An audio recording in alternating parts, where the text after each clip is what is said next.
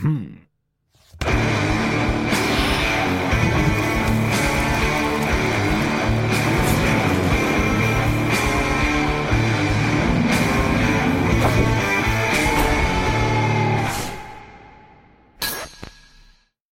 Nemam, nažalost, fizičku kopiju knjige, ali ideja mi je da na sva, početku svakog podcasta pročitam zapravo odlomak iz nekakve knjige koja ima veze na neki način sa gostom. Mm -hmm. I ovaj... I ovo je jedan, nešto što sam hteo da... Aha, aha, aha, samo gde mi je? Sad čekaj sekund. Evo ga. Bam, bam, bam. Evo ga. Dakle, da pomerim sve. Veliko mi je zadovoljstvo da si ovde da je danas moj gost. Um, I kada sam razmišljao šta bi mogao da bude adekvatan uvod u naše, u, za tebe pre svega, a potom i za teme koje ćemo obrađivati, setio sam se da je početkom 2000. godina legendarni DJ Loran Garnier jel te objavio a, roman koji nije toliko autobiografski koliko zapravo govori o istoriji a, tehnokulture, rođenja tehnomuzike tamo od a, um, um, mančesterskog kluba, jel te, koje drža ovaj iz jel, New Ordera beš, jel tako? Hacienda. Da, Hacienda jeste, pa ovamo do početka 2000. godina. Ovaj, imao je jedno, jedno poglavlje u toj knjizi koja nosi naziv Elektrošok kada je posetio Beograd 95. godine. I je poglavlje nosi naziv Can you feel it? Dakle, sad ću da pročitam to vrlo, jedan kratak segment koji je posvećen Beogradskom klabingu. Kaže, Tehno je imao sedam godina i započinjao novi ciklus. Jedva da je dosegao zrelost, a već je živeo svoje prve zajednice i svoje prve promene. 22. decembra 1994. godine u Kanu, u Deliriumu, Carl Cox je oženio Lady B, drag queena i poštovanog techno DJ-a. Nekoliko meseci kasnije novinarka i muzičar Lee Newman, alias Technohead, preminula je od raka. F Communication je, sa svoje strane, pokušavao da, razvije u zem, pokušavao da se razvije u zemljama u kojima se tehno još nije nametnuo. DJ-evi i umetnici odoše da sviraju u nepoznate zemlje. Bogata i jaka iskustva, ponekad čak i ekstremna, bila su rezultat ove politike. Istočna Evropa je bila jedno od tržišta koje je trebalo osvojiti. Obeležilo nas je ono što smo videli u Rusiji i istočnom Berlinu. Nakon prvog značajnog rođendana proslavljenog u La Loco, pošli smo u Beograd, gde je F-Com priređivao žurku. Zemlje istočne Evrope su do tada bile pošteđene tehnotalasa, kao bivša Jugoslavija, na primer, koja je upravo izašla iz višegodišnjeg rata. Zgrade u centru grada bile su oronule, dodajem ja, kao i dalje su. Atmosfera zategnuta. Nekakve demonstracije su se održavale pod prismotrom vojnih tenkova. Buka demonstranata se čula i u sali za prijem opštine grada Beograda gde su nas primile gradske vlasti čim smo stigli. Svi gradski organizatori žurki su bili prisutni. Gradonačelnik je želao da noćni život zaživi što pre. Tada je gradonačelnik bio Čović. Sećam se svega. Usledila je zvanična ceremonija tokom koje smo bili predstavljeni i nakon jednog govora predsednik gradske skupštine nam je predao ključeve grada u znak dobrodošlice. Bilo je svečano. Nama je bilo malo neprijatno, nismo baš najbolje razumeli čime smo zaslužili tolike počasti. Objašnjeno nam je da smo prvi evropski umetnici koji su zakoračili u Beograd od završetka sukoba, mada su Prodigy bili pre njih. I da, ili jesu ili nisu, ne mogu setiti. I da je naše pri, prisustvo simbolično, jer donosi osveženje mladima lišenim bezbrižnosti poslednjih godina. Mislim da Prodigy bio nekoliko meseci kasnije. Da.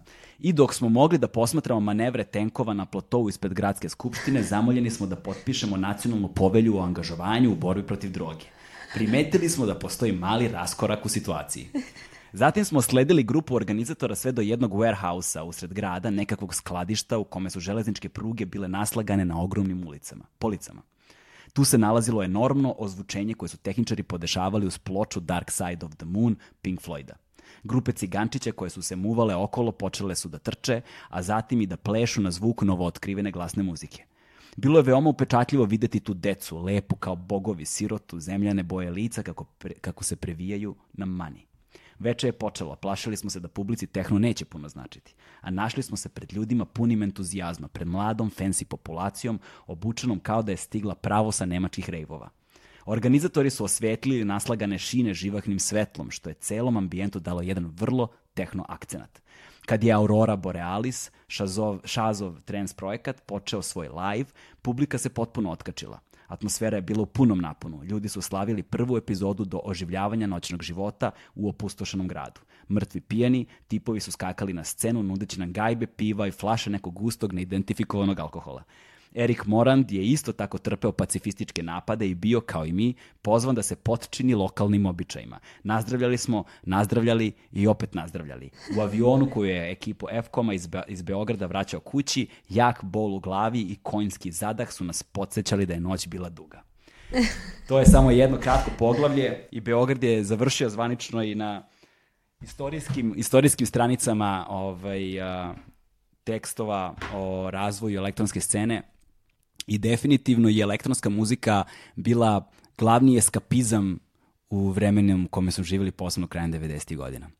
20, koliko? 24, 25 godina je prošlo od ovog trenutka kada je, ovaj, koji je opisao Laurent Garnier i ti si trenutno uh, najveći i najpoznatiji srpski DJ, šta bi bio ženski ovaj, uh, oblik imenice DJ. Ka ili DJ-ka ili DJ-ica, nisam da. siguran. Ovaj, Studirali smo na istom fakultetu, trebalo bi da znamo.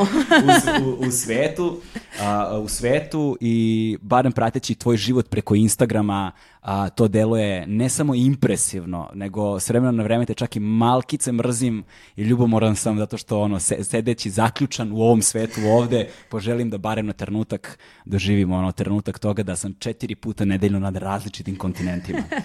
Tijana T, odnosno Tijana Todorović, moja draga prijateljica, znamo se evo skoro punih 20 godina, Ovaj, hvala ti što si izdvojila u svom zauzetom kalendaru vremena da dođeš u naš skromni dom ovaj, i da porazgovaramo malo o tebi i o tvojoj karijeri. Hvala što si me pozvao. Ovaj, jako sam zadovoljna tvojim prvim gostom. to sam do sada videla i sad je onako i mala trema. Da. Ovaj, tu čast uh, treba opravdati. I, prva, i, prva, I prvi si ženski gost takođe. Tazi. To je od mnogih koje, koje, koje će slediti. Htela sam kažem, to ne bi trebalo da se ističe baš, ali ajde. Htela sam da istaknem zbog toga što, um, uh, pored toga što si trenutno naš najveći DJ i priznata ozbiljno na međunarodnoj sceni, um, i bez obzira koliko ljudima to u industriji zabave možda delovalo kao banalno, ovaj, nije ni jednostavna činjenica da si žena u tom svetu. Pa nije, to je kao i mnogi poslovi ovaj, dugo decenija bio mahom muški posao, muško zanimanje. Ne znam tačno ovaj, nikako je do toga došlo da se to na taj način ra ne znam ni ja, razvije. Ali ono što sam primetio u industriji zabave jeste da na neki čudan način postoji određeni aspekt da kada je žena ta koja recimo govori na sceni, mm -hmm ovaj, odjednom kao da ima manji kredibilitet, odnosno kao da mora da se potrudi ono za nekoliko procenata više ne bi li pridobila tu publiku pa na jeste, način... jeste zato što su te predrasude u vezi sa ženama globalno a, baš duboko ukorenjene u u civilizaciju, našu kulturu i to su o, vek, vekovni problemi. Ne da. može to sad tek tako da se, da se iskoreni, ali mislim da to nije ekskluzivno vezano ni za industriju zabave, ni za muzičku industriju, ni za DJing, tako je u mnogim drugim poslovima i sferama. Um, sećam se da sam puno o tome razgovarala sa svojom prijateljicom Bojanom koja je jedan od vrhunskih uh, nau, svetskih naučnika, odnosno naučnica um, i ona je dakle godinama sedela u tom Albert Einstein institutu u Njujorku gde je inspirisana odlascima na revove 90-ih u Srbiji nekako upalila black light i lasere u svojoj uh, labor laboratoriji i otkrila kako da se uh, um, ćelije raka prepoznaju u mnogo ranijoj fazi nego što mogu sada da se prepoznaju. Ona sedam godina radila na tom projektu da bi ga predstavila na uh, nekakvoj konferenciji uh, gde su je starije kolegi muškarci ohrabrivali da slobodno predstavi taj svoj projekat, a onda je uh, tekst o tome osvanu u nekom naučnom časopisu i tekst je potpisao njen stariji kolega. I onda sam ja pitala kao šta se sad radi, ona je rekla ne mogu ništa, on je stariji, on je muškarac. A onda mi je poslala i link na, na čuveni taj neki tekst koji je izašao, čini mi se, u Guardianu, gde je ovaj, jedan naučnik promenio pol. Mm -hmm a zatim a, se zaposlio u drugom institutu kao žena i sam shvatio da sve ono što se uh, u vezi sa njim pretpostavljalo na prethodnom poslu dok je bio muškarac se sada više ne pretpostavlja i mora da se dokaže i zaradi. Tako da, je, da. I, i u muzici, a i u ostalim sferama ovaj, važi to da a, muškarac ima kredibilitet dok se ne dokaže suprotno, a žena ga nema dok se ne dokaže suprotno. To je, to je velika istina. I nažalost neka iskustva koja ja imam odrastujući jel te ovde su se pokazala vrlo sličnim. I relativno skoro sam sa prijateljem jednim imao baš veliku raspravu koji bi trebalo da je neko sa, da kažeš uslovno rečeno naše strane ko razume zapravo probleme koji je pokušavao da mi objasni da postoji razlika u diskriminaciji u kontekstu, znaš, kao nije isto kada se diskriminiše žena, nije isto kada se diskriminiše neko drugačije rase ili nije isto kada se diskriminiše neko drugačije konfesije i tako dalje. On sam bio fazonu, stani, stani, stani, stani. Diskriminacija ima ovaj, mnogo pojavnih oblika, ali ima jedno ime i znaš, to što je a, u Americi crnac bio predsednik, da li to znači da je iskorenjen rasizam u Americi? Znaš, to što je ovaj, žene danas imaju a, na izgled različite mogućnosti otvorene i što se, što se to na neki, nekom nivou dešava, da li to znači da je problem iskorenjen? Apsolutno ne znači ljudi e, ne razumeju šta znači reč privilegija, prvenstveno. I ja kada probam ljudima kažem, ajde probaju jednu prosto prošle rečenice da mi objasniš reč privilegija. Šta privilegija znači? I, ovaj, za mene je privilegija ono o čemu ne moraš da razmišljaš. Imaš svaki dan vode da piješ, to je privilegija vode. Imaš svaki dan da jedeš, to je privilegija hrane. Privilegija može da bude nebrojeno mnogo. Između ostalog, postoje te privilegije u društvu koje, kada govorimo o strogom patrijarhatu, postoje a priorne stvari o kojima prosto nikada nisi morao da razmišljaš. Da, da, I one su deo, pitanje. tako i one su deo tvog habitusa u trenutku kada neko pokušava ti objasni da ima problem o kojem ti nikada nisi morao da razmišljaš, ti moraš da uložiš ekstra napor, da se zaustaviš, okreneš preko ramena i da pogledaš one koji nisu privilegovani. Jer to nije nešto što postoji a priorno u tvojoj svesti, što možeš da razumeš. I onda ta okolnosti u kojima se žene nalaze je upravo to, znači neprivilegovana pozicija u kojoj ti sad moraš da dokazuješ da imaš problem, što je već samo po sebi problem. Problem. I kako.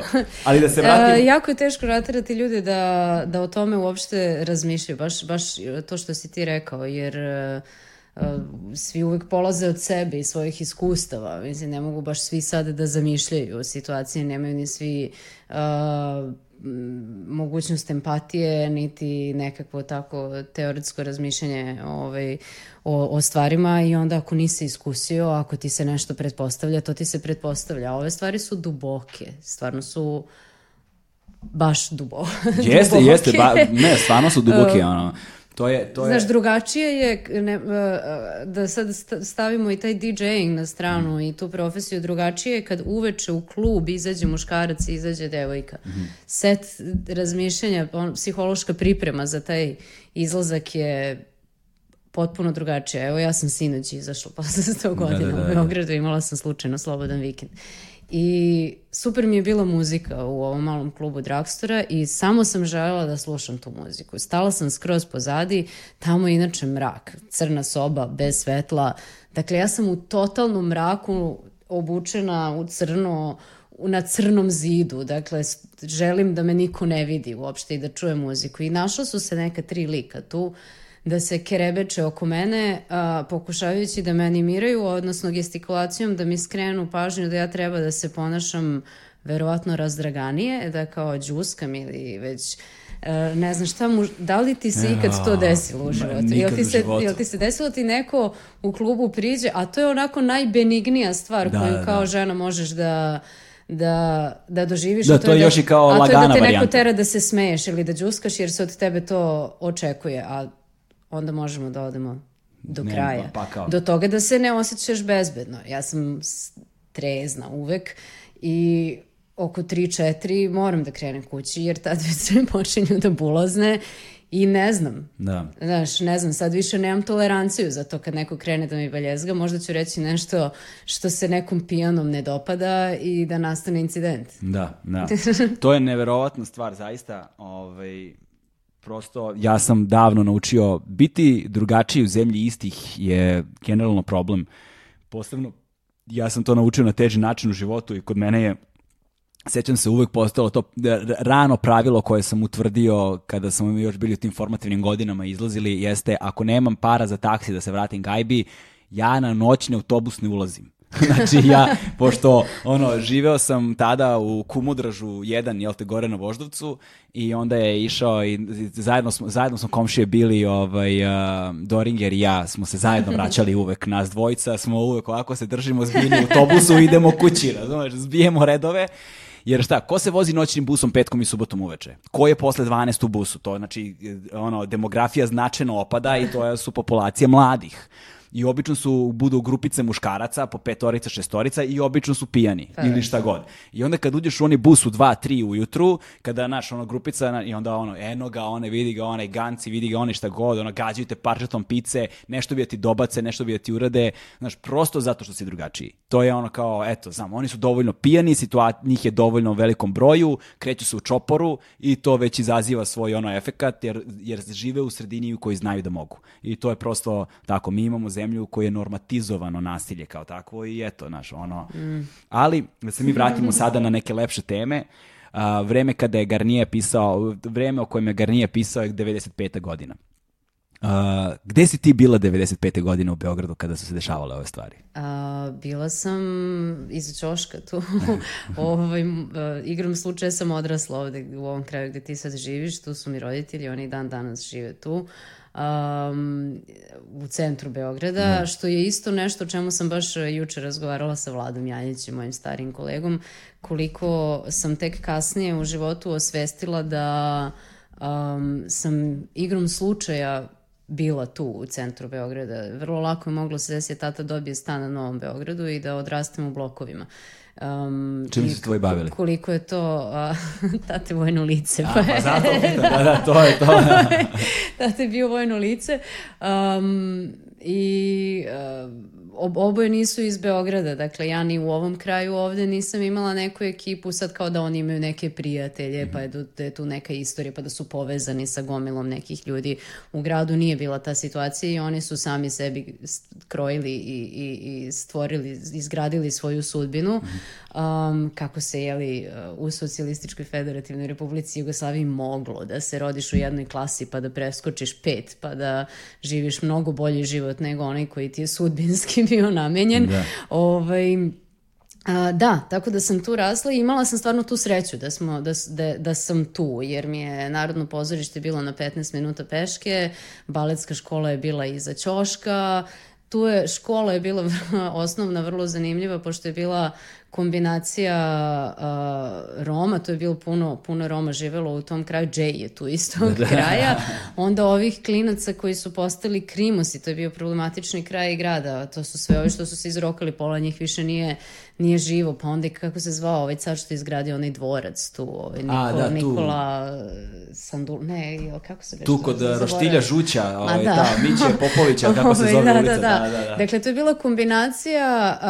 uh, uh, dece Roma, a, tih tinejdžera, klinaca, a, kriminalaca i ove neke fine dece iz centra kao ne, nekakvih finih e, porodica koje tu sad žive tri generacije po ovim da. I za kaderskih porodica je bavio ale po salonskim gajbama. Da, da, salonski gaj, visoki plafoni. Ovaj, I to mi je to mi je onako kao bio, bio zanimljiv taj neki start. Posle sam upisala, 95. sam već u, išla u filološku gimnaziju I izlazila sam, iako sam imala 14 godina, ja sam već uveliko ono, izlazila i tad su bili ti prvi kao rejovi, bio onaj Enlightenment, ja mislim da je Enlightenment bio godinu dana ranije, već je postojao Soul Food. Um, I ja sam isto imala tu sreću da je ovaj, moj ujak napustio zemlju tik pred početak rata, otišao je u Kopenhagen i sklonio se jeli, da izbegne odlazak u rat. On je bio baš strastveni ljubitelj muzike i kolekcionar a, prvo ploča, a onda diskova i naravno da je tamo po Danskoj već ludovao, on je radio u nekom klubu u Kristijani koji i dalje postoji, to je sad neko najveće koncertno mesto tamo. U svakom slučaju on je meni autobusom slao kasete iz, iz Kopenhagena, pošto je zbog, što zbog izbeglica, što zbog gastarbajtera postojala uvek ta direktna linija Kopenhagen-Beograd koja je na neku foru išla i tada i onda on e, te diskove koje kupi u toku meseca probere, meni nareže ono što misli da treba da slušam i to jest ne nareže nego snimi na kasete, Aha. stavi u kutiju i pošalje autobusom. I ja sam tako dobijala svoje muzičko obrazovanje i to je opet neka privilegija, neka, neki sticaj okolnosti da je to bilo tako, da je bila drugačija porodica ili da smo, mislim, ja sam se spasila uh, kao kulturno, ono, nisam se kontaminirala kao dete zbog toga što nismo mogli da uhvatimo pink ovde. tako da, tako da, je, da je bilo i toga. U svakom slučaju, ja sam već uveliko kao slušala tu muziku, elektronsku, ne baš onu koja se puštala na rejvovima, više to bio kao rani Ninja Tune i tako nešto kao ludo, ono neka polo, po, po, da. polomljena muzika i tako, ali sam odlazila jer je ujak počeo da dolazi i onda me odveo u Soul Food. To je u stvari jedan od moj drugi, na primjer, ili treći izlazak u životu je bio ulazak u Soul Food sa 13 godina. Ne, na DJI-a. Gde, gde se sećam, ne znam, ko je puštao, sećam se da je Luna Lu stajala ispred, nije, rad, ona je radila u industriji uh, kao face check, ali je tu nešto stajala i kao pričala i sećam se da sam bila potpuno fascinirana što vidim Lunu Lu uživo. Da. ona je bila kao neko boža, neko da. beogradsko božanstvo. Tako je, ona, je, ona, ona imala je tom vreme emisiju, mislim na studiju B, da je bila šizofrenik. Ne, tako šizofrenik ne? je došao kasnije. Kasnije, aha. Šizofrenik je došao posle 2000-te. Posle 2000-te, stvarno? Da, tako Uj, je. Zašto sam posle 5. oktobra. A, wow kad je Jugoslav Pantelić postao glavni urednik uh, studija B, onda je doveo tu neku kao cool mladu ekipu, tako sam ja počela da radim na studiju B. Ali u svakom slučaju to je bio moj prvi izlazak i tako sećam se svega toga. Znam da sam odlazila uh, ne često, ali ponekad na te velike rejvove nađem nekoga da me uvede i onda kao stanem ispred zvučnika, džuskam koliko mogu sama, jer nikog ne znam i najmlađa sam i odem kući ili u školu. Da, da, da. da, da. Pazi, to je...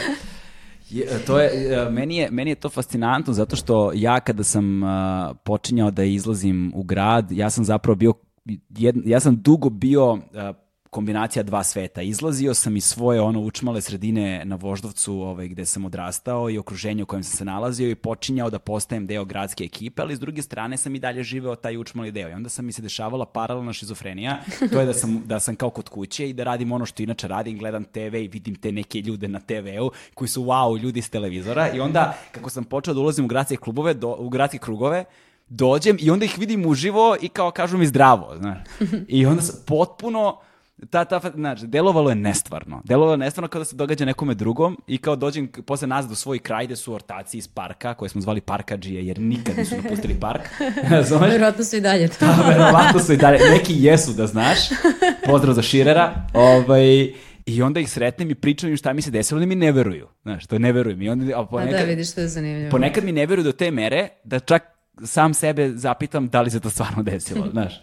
Meni je generalno taj period onako delovao jako uzbudljivo i bio je uzbudljiv.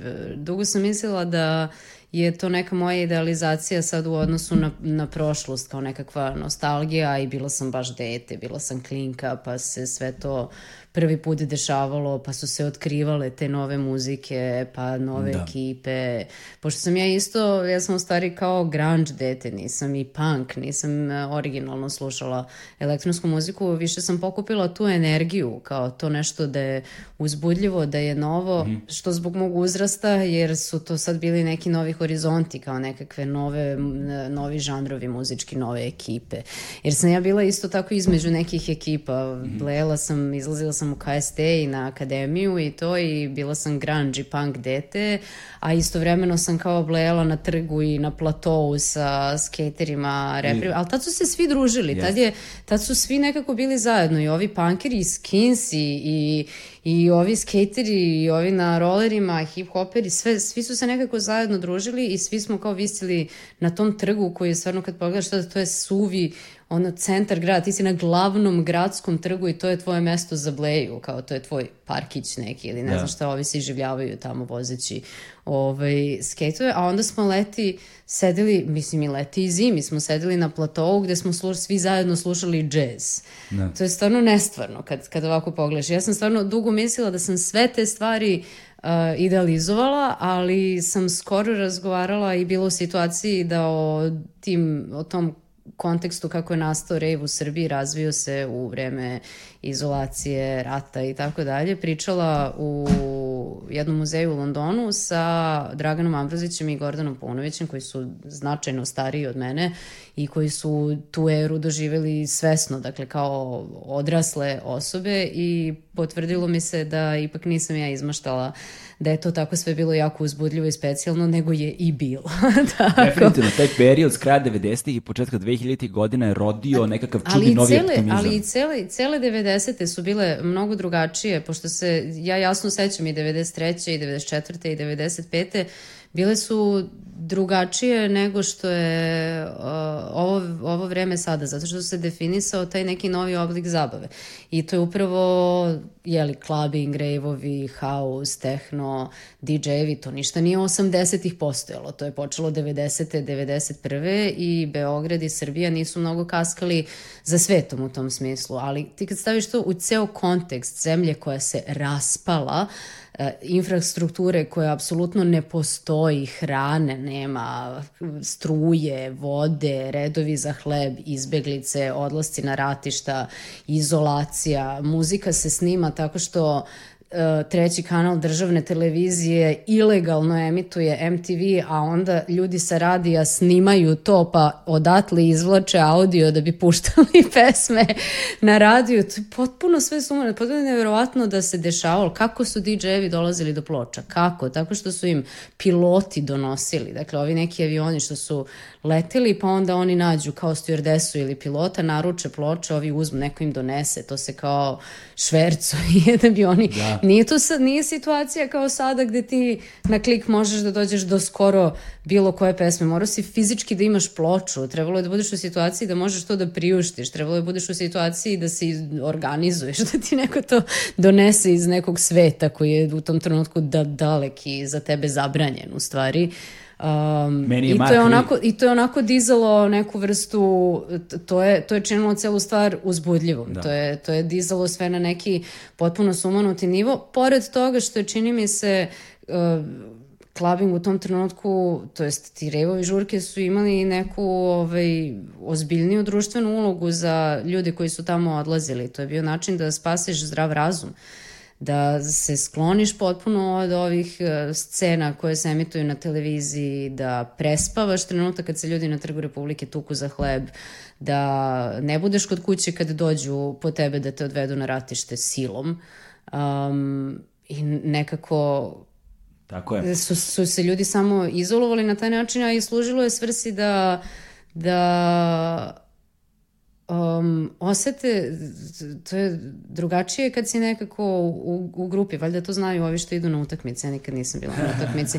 Znaš, kad osetiš kao toplinu drugog tela, pa kad svi nekako uh, plešete, kad je u stvari um, muzika dovoljno oslobađajuća da ti možeš da izbaciš sve što je nepotrebno i negativno kroz ples iz sebe i to sad vas hiljadu tako uh, E, tako radi, tu se stvara onako, opet to je neka druga svrha uh, klavinga u tom problematičnom uh, kontekstu. Gde... Moja prijateljica koja je socioantropolog mm -hmm. je, mhm. ja mislim, napisala master tezu ili radi doktorat, nisam siguran šta je posredi, koji je, čiji je radni naziv Plesom do izlaza koji govori upravo o značaju, društvenom značaju rave kulture uh, 90. godina u Beogradu. E, pa S jedne strane. S druge strane, sećam se kada sam radio neke priče, Mark V, La Lea i tako dalje, prepričavali su mi neke scene sa početka 90. godina sa rođenja tehno, scene, tehno ovaj, te, ne samo tehno, nego uopšte elektronske muzike kao takve, uh, da je bilo situacija kada su njima tipa u soul foodu ili ne znam čak i u industriji i tako dalje,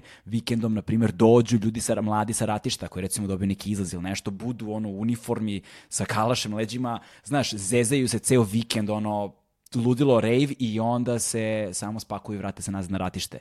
To su, to, su, to su okolnosti koje mi danas ne možemo ni da domaštamo uopšte. Znaš, ti ja možda možemo da prizovemo neku sliku, prosto jer smo odrastali u to vreme. Mnogi mladi koji danas preuzimaju kulturnu scenu i koji žive, ne mogu to uopšte ni da zamisle. Ne mogu ne, da zamisle tu atmosferu, da, da, da dožive emociju, njenu, njenu boju na neki način.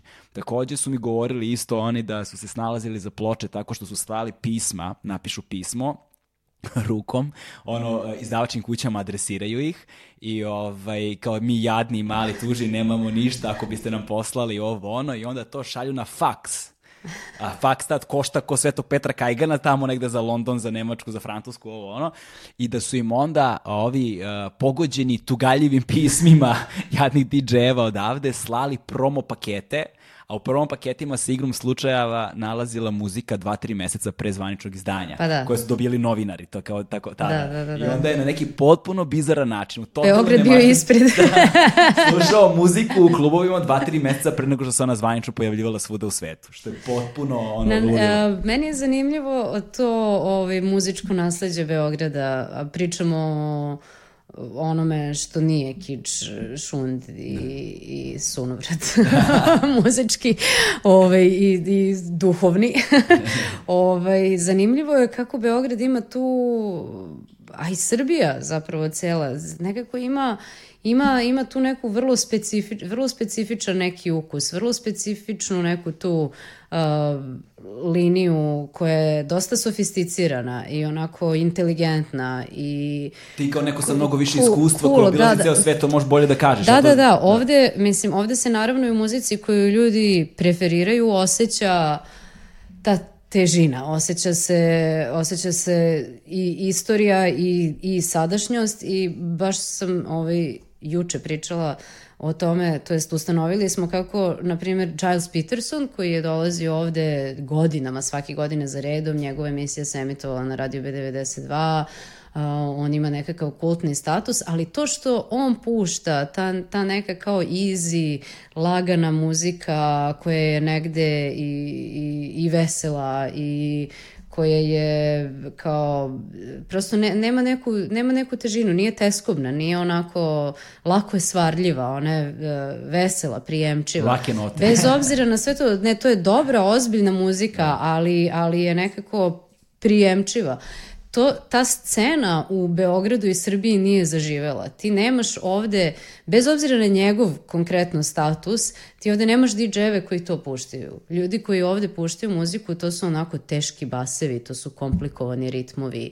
To je ti kad slušaš i tehno, domaćih te, tehno DJ-eva, to često ima neki ritam koji nije onako, ta muzika nije jednostavna, nije suvoparna, nije onako samo ono kucanje kao drum machine i ponekad kao neka 300 trojka, nego su to onako kompleksne stvari. Ovde, ljudi ovde onako vole, pa i 80-ih, 80-ih, ceo ovaj pop koji je bio, ceo onaj kao flamboyantni pop koji je vladao celim svetom, šljokice, kao boje i sve to, to negde ovde je postojalo u domenu Lepe Brene i kao domaćih nekih izvođača. Da, da.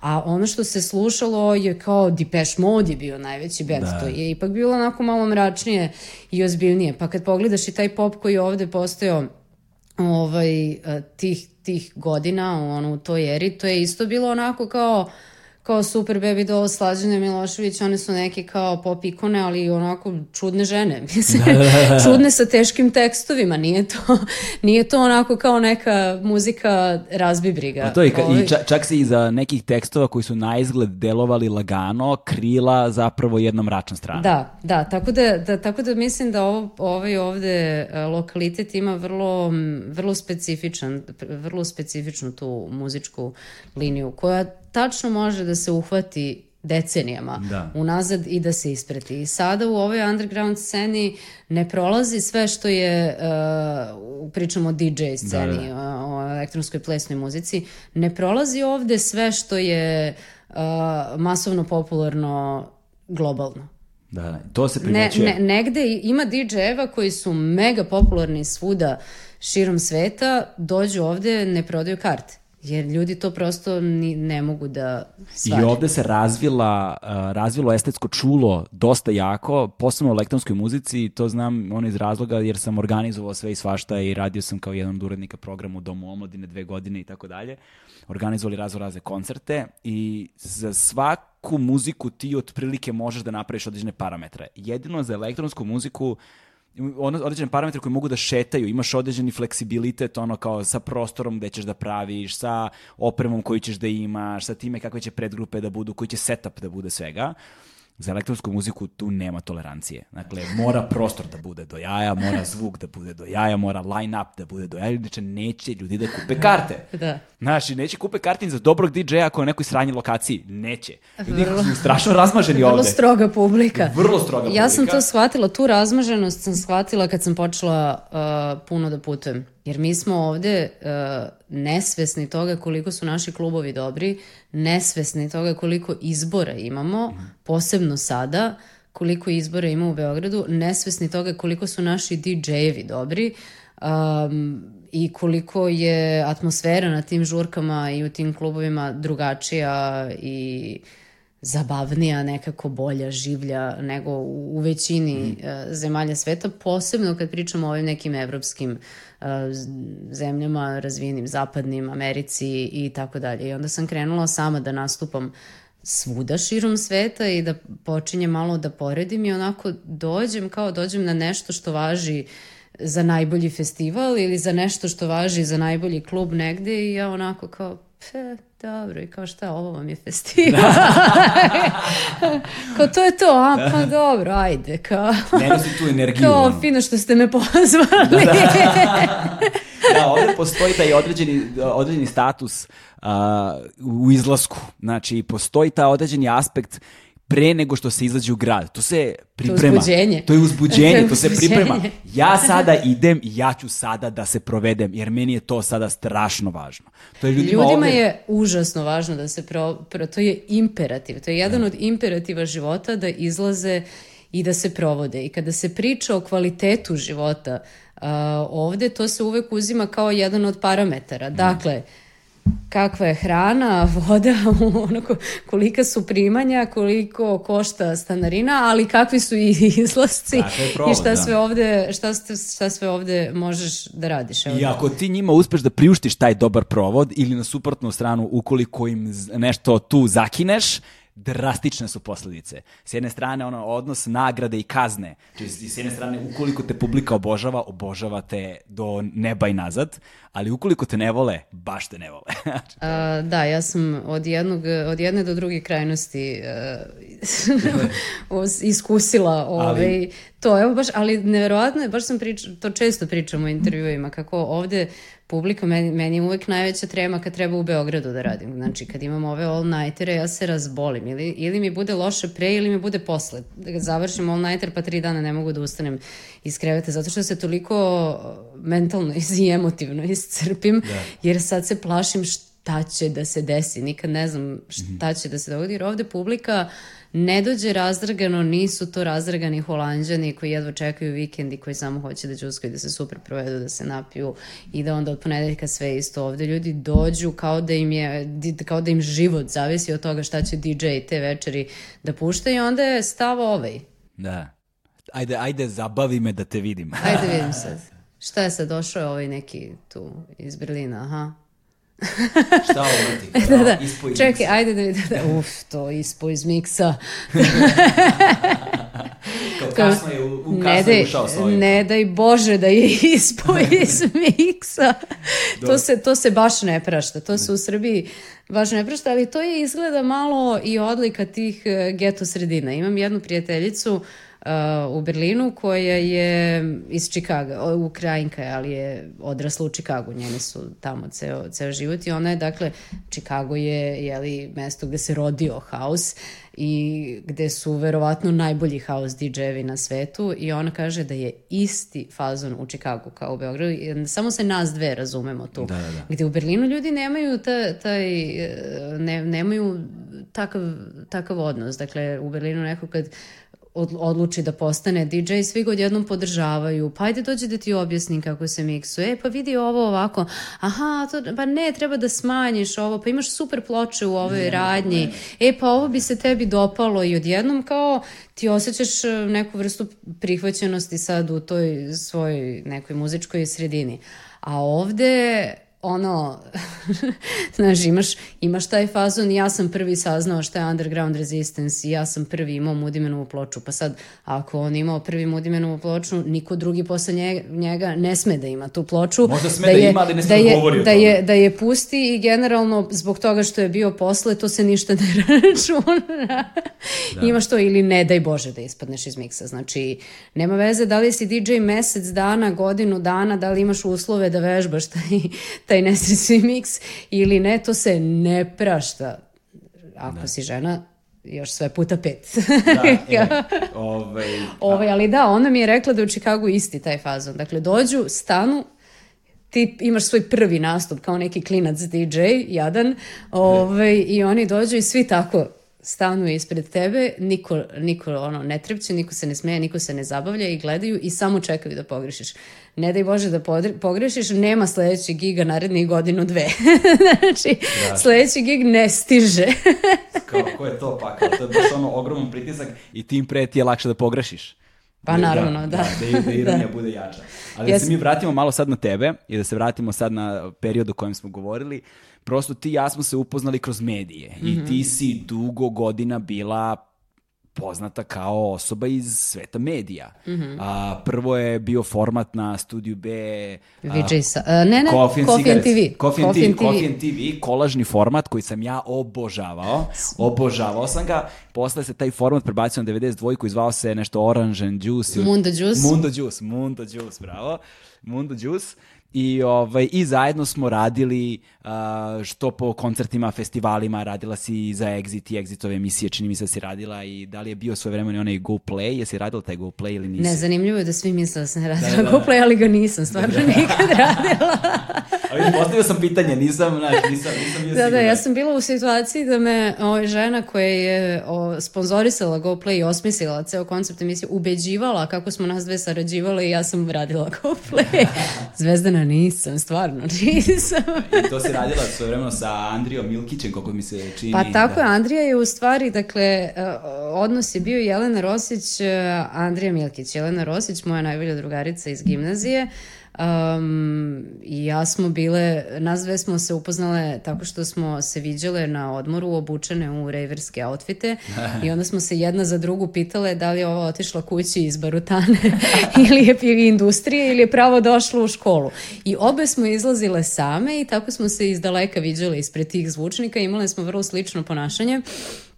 Ali smo bili u različitim odeljenjima i u svakom slučaju spojile smo se posle najbolje drugarice, onda smo nas dve tako ludovale, išle na žurke, na koncerte, svu, nismo se odvajale, bili da. smo kao dvoglavo neko re, rave čudovište, onako vrlo uzbuđene dve klinke.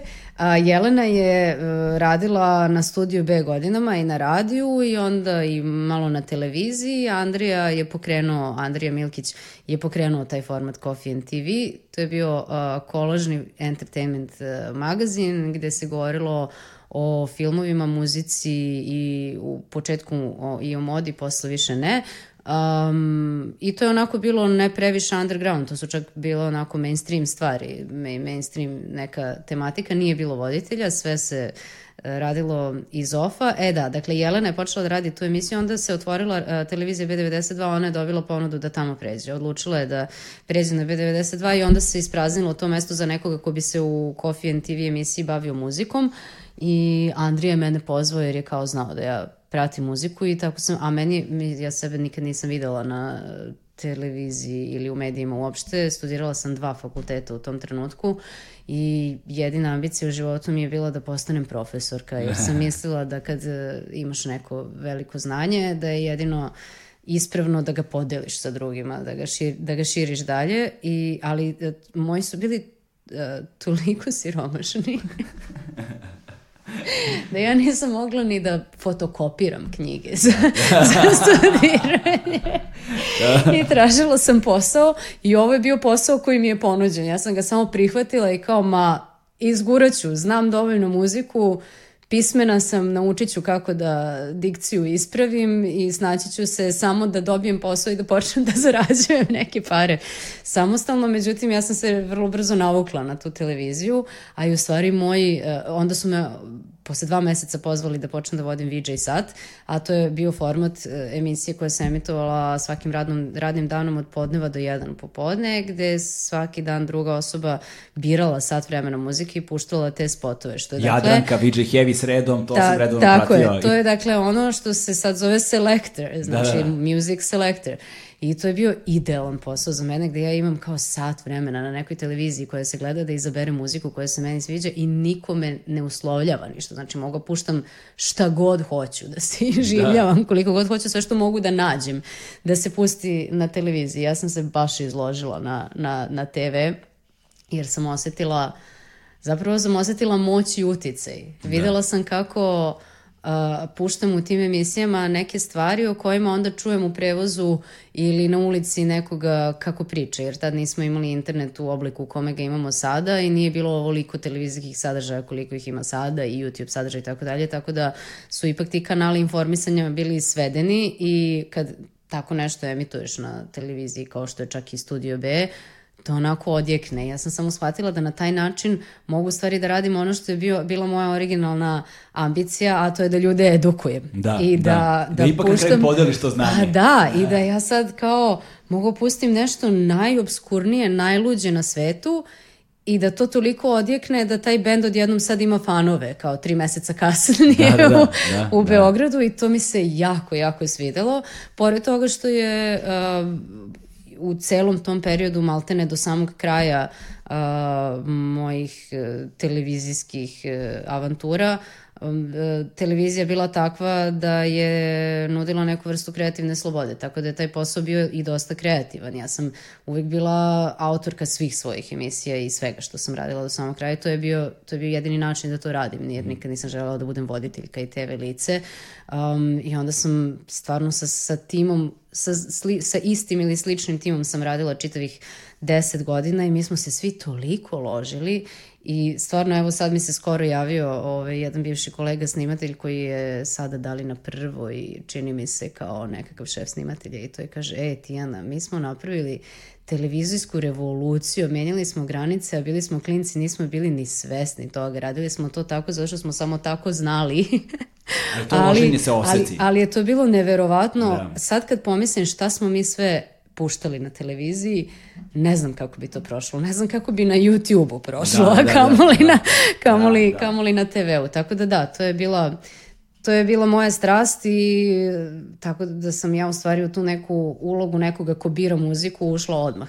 Ja se sećam, moj početak rada na televiziji je takođe bio zapravo vrlo sličan, sličan flip, jer ja odrastao sam takođe u ekstremnom siromaštvu iako ljudi iz nekog razloga to ne misle za mene. Ni za mene niko nikad nije mislio. nikad, nikad, da. Ali to ima veze i sa time kako smo se mi nosili sa tim. Pa vrlo mi smo, Mi da. smo verovatno iz nekog e, sobstvenog bunta prema situaciji u kojoj se nalazimo to onako dostojanstveno nosili i pravili se kao da nije tako. Živeli život kao da, kao da je sve suprotno. Eto priča o važnosti klabinga, znaš, o tome eskapizmu, znaš, koji je bio svakodnevni ono, ma mindset. Ali jeste, maša. ljudi su se zaista, jedna, sad da se vratimo na priču o 90-im, jedan od razloga što što je taj clubbing eh, postoje u obliku u kome je postoje i taj što su ljudi koji su u tom trenutku imali možda 20 godina, 18, 19, 20 nešto, možda 30, bili svesni u momentu kad, eh, kad se desio taj rez od zemlje koja je otvorena sa najpoželjnijim i najskupljim pasošem na svetu, gde oni sednu u avion pa kao odu na vikend u New York ili sednu u avion pa odu na vikend u London ili već gde su putovali do toga da ne mogu da napuste zemlju, da je nebezbedno svuda okolo. Ja mislim da je deo bunta i taj da su oni želeli da samo zadrže isti životni stil koji su imali i do tada, da uopšte da. nisu želeli da prihvate okolnosti da sad nešto ne može i da mi sad ne možemo da, da idemo na koncerte i da se provodimo, a u tom trenutku nije mogao da dođe Nick Cave uh, u Beograd ili Sonic Youth kao što su bili 89.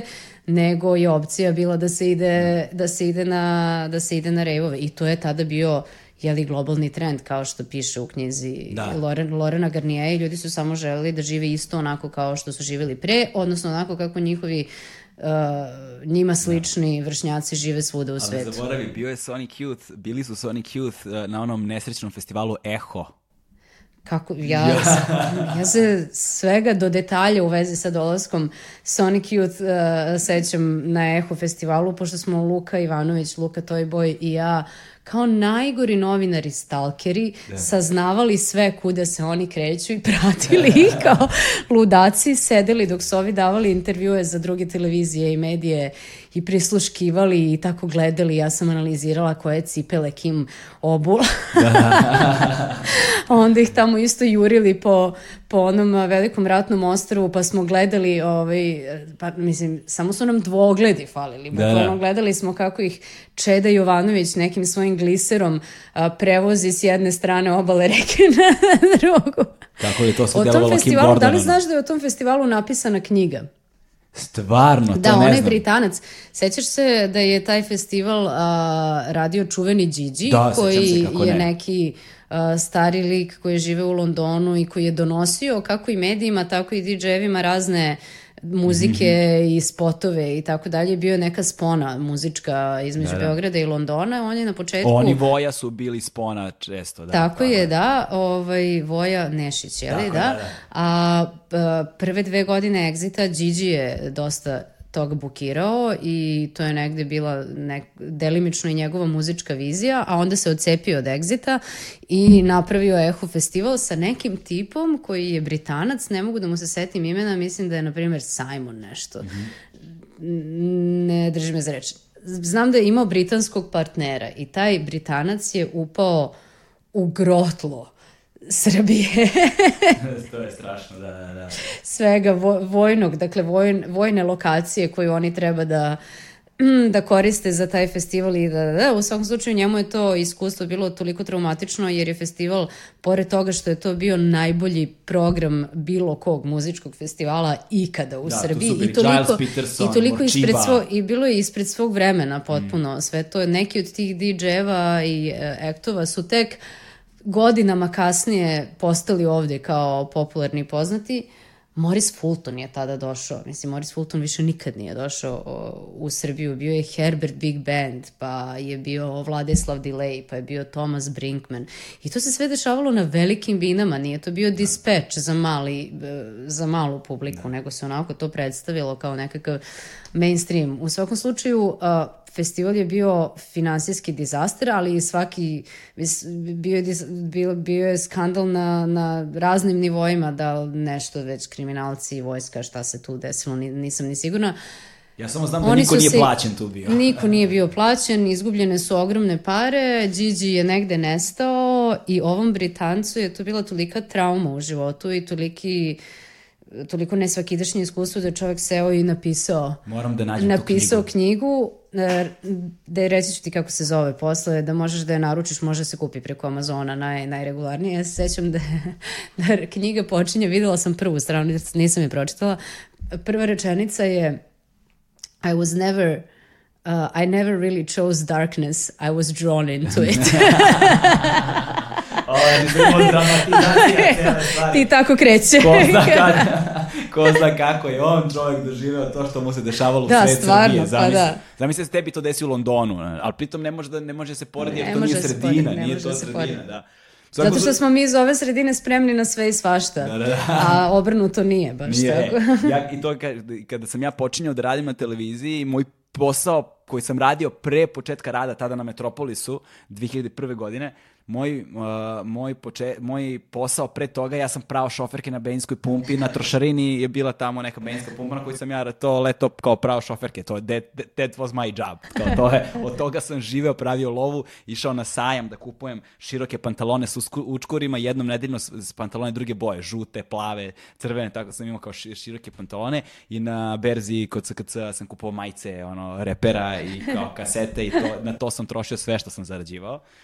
Ovaj, ali uh, i de, dešava, dešavalo se to, desilo se to u jednom, jednom trenutku, sad ne znam tačno kada je to bilo, ovaj, uh, kada sam prvi čuo kao Tijana pušta muziku i meni to bilo Tijana šta? Znaš, zato što u to vreme nije postojao trend koji se kasnije rodio, kada se pojavio onaj autosync, onda su odjednom svi postali DJ-evi i onda si mogao da vidiš ono, svaki muzičar koji više nema tezge je postao DJ, a, svaka iole poznata ličnost ima svoj dan u nekom kafiću, klubu, pubu, nešto postaju DJ-evi i onda je to postala masovna stvar negde. Ovaj, u trenutku kada si ti postala DJ, ovaj, sećam se da sam ja tu vest primio kao, Tijana, šta?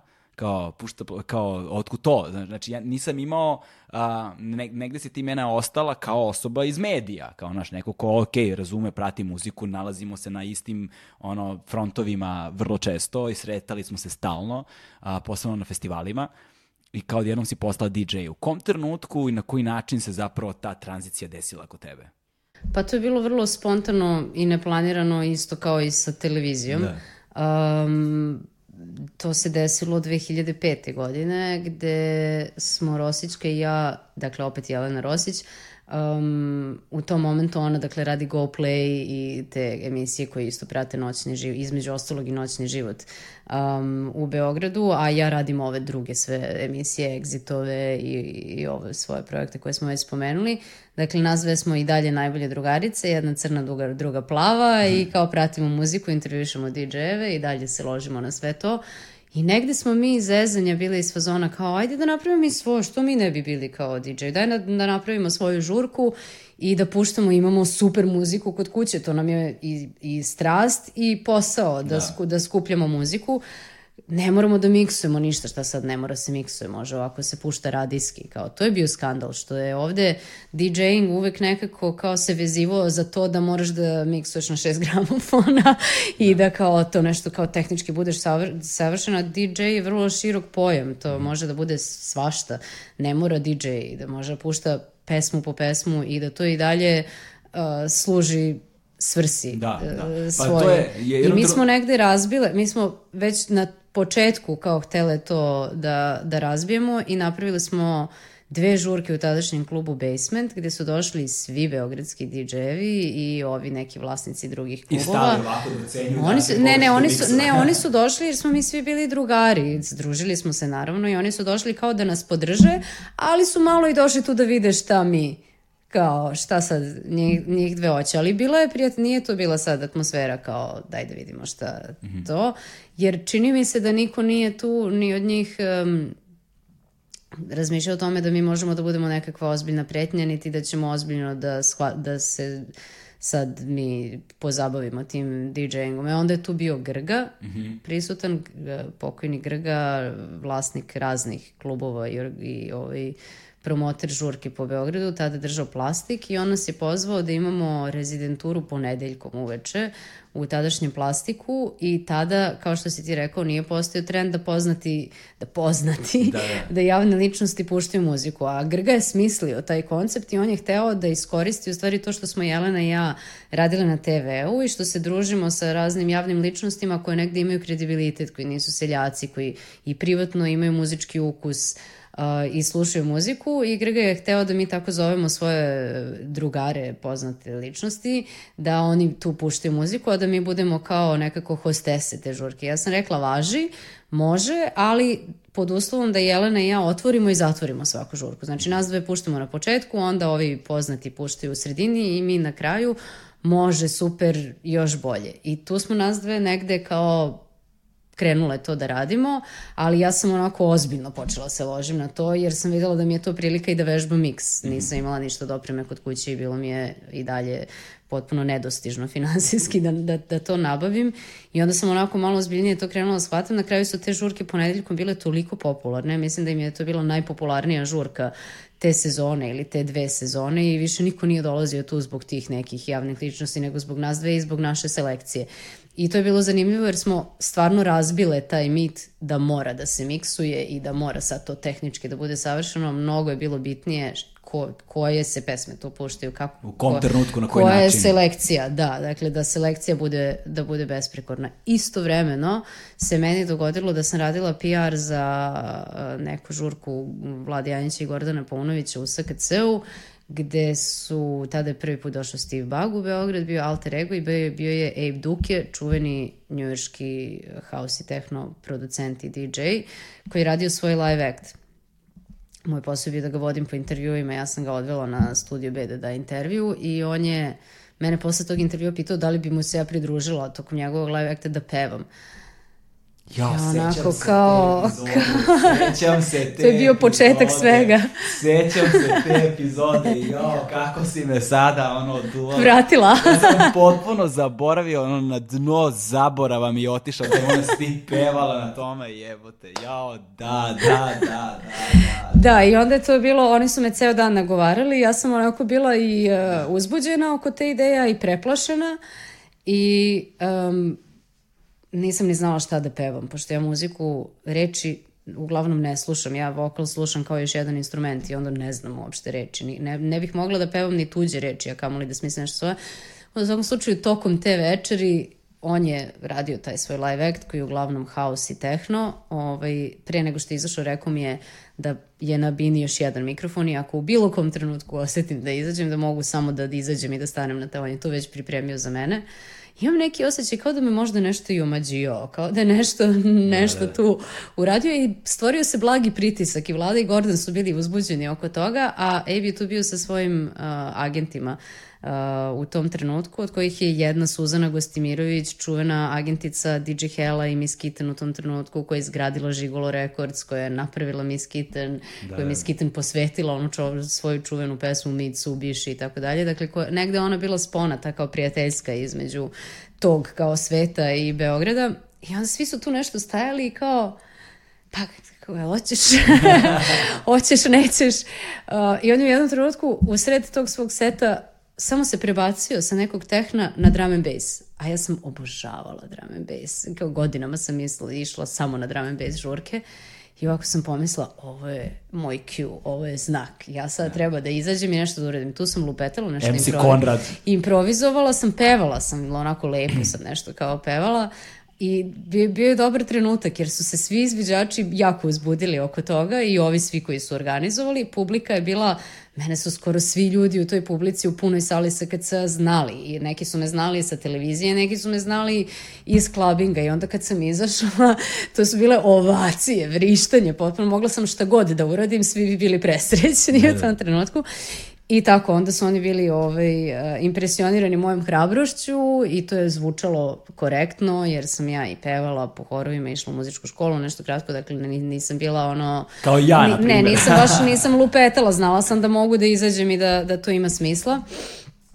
Pozvali me da dođem u Berlin da nešto snimamo i tako je krenula i ta avantura, te sam ja paralelno u stvari nekoliko godina vodila taj život gde sam ovde kao radila za Exit, pravila te njihove emisije, vodila njihovu te produkciju, radila PR, praktično radila sedam različitih postova, a onda vikendom odlazila na turneje sa Abe-om i u to vreme, pošto nisu postojale društvene mreže u obliku u kome su postojale sada, MySpace je tek krenuo, YouTube isto nije postojao tako kako je se posle razvio, ja sam uspela da sakrijem tu karijeru. To su znali ovi neki ljudi, mi neki koji se znamo Da. među sobom, ali to nije bilo nešto sad kao... Da, ja sam samo posle- čuo tipa ono tračevi su kola, znaš. I to je ono, Tijana je na potezu Berlin, Beograd, ona stalno je tamo s nekim ovo. I sad, naravno, tu sad ulazi onaj element kada si žena, znaš, kao ko zna s kime ona i šta tamo, razumeš? To, To je odmah krenulo. To je odmah krenulo. To je odmah krenulo ovaj, da sam ja u šemi sa Ebom. Mene su ovi neki koji su mi bliži direktno i pitali kao, je li to tako? To nije bio slučaj.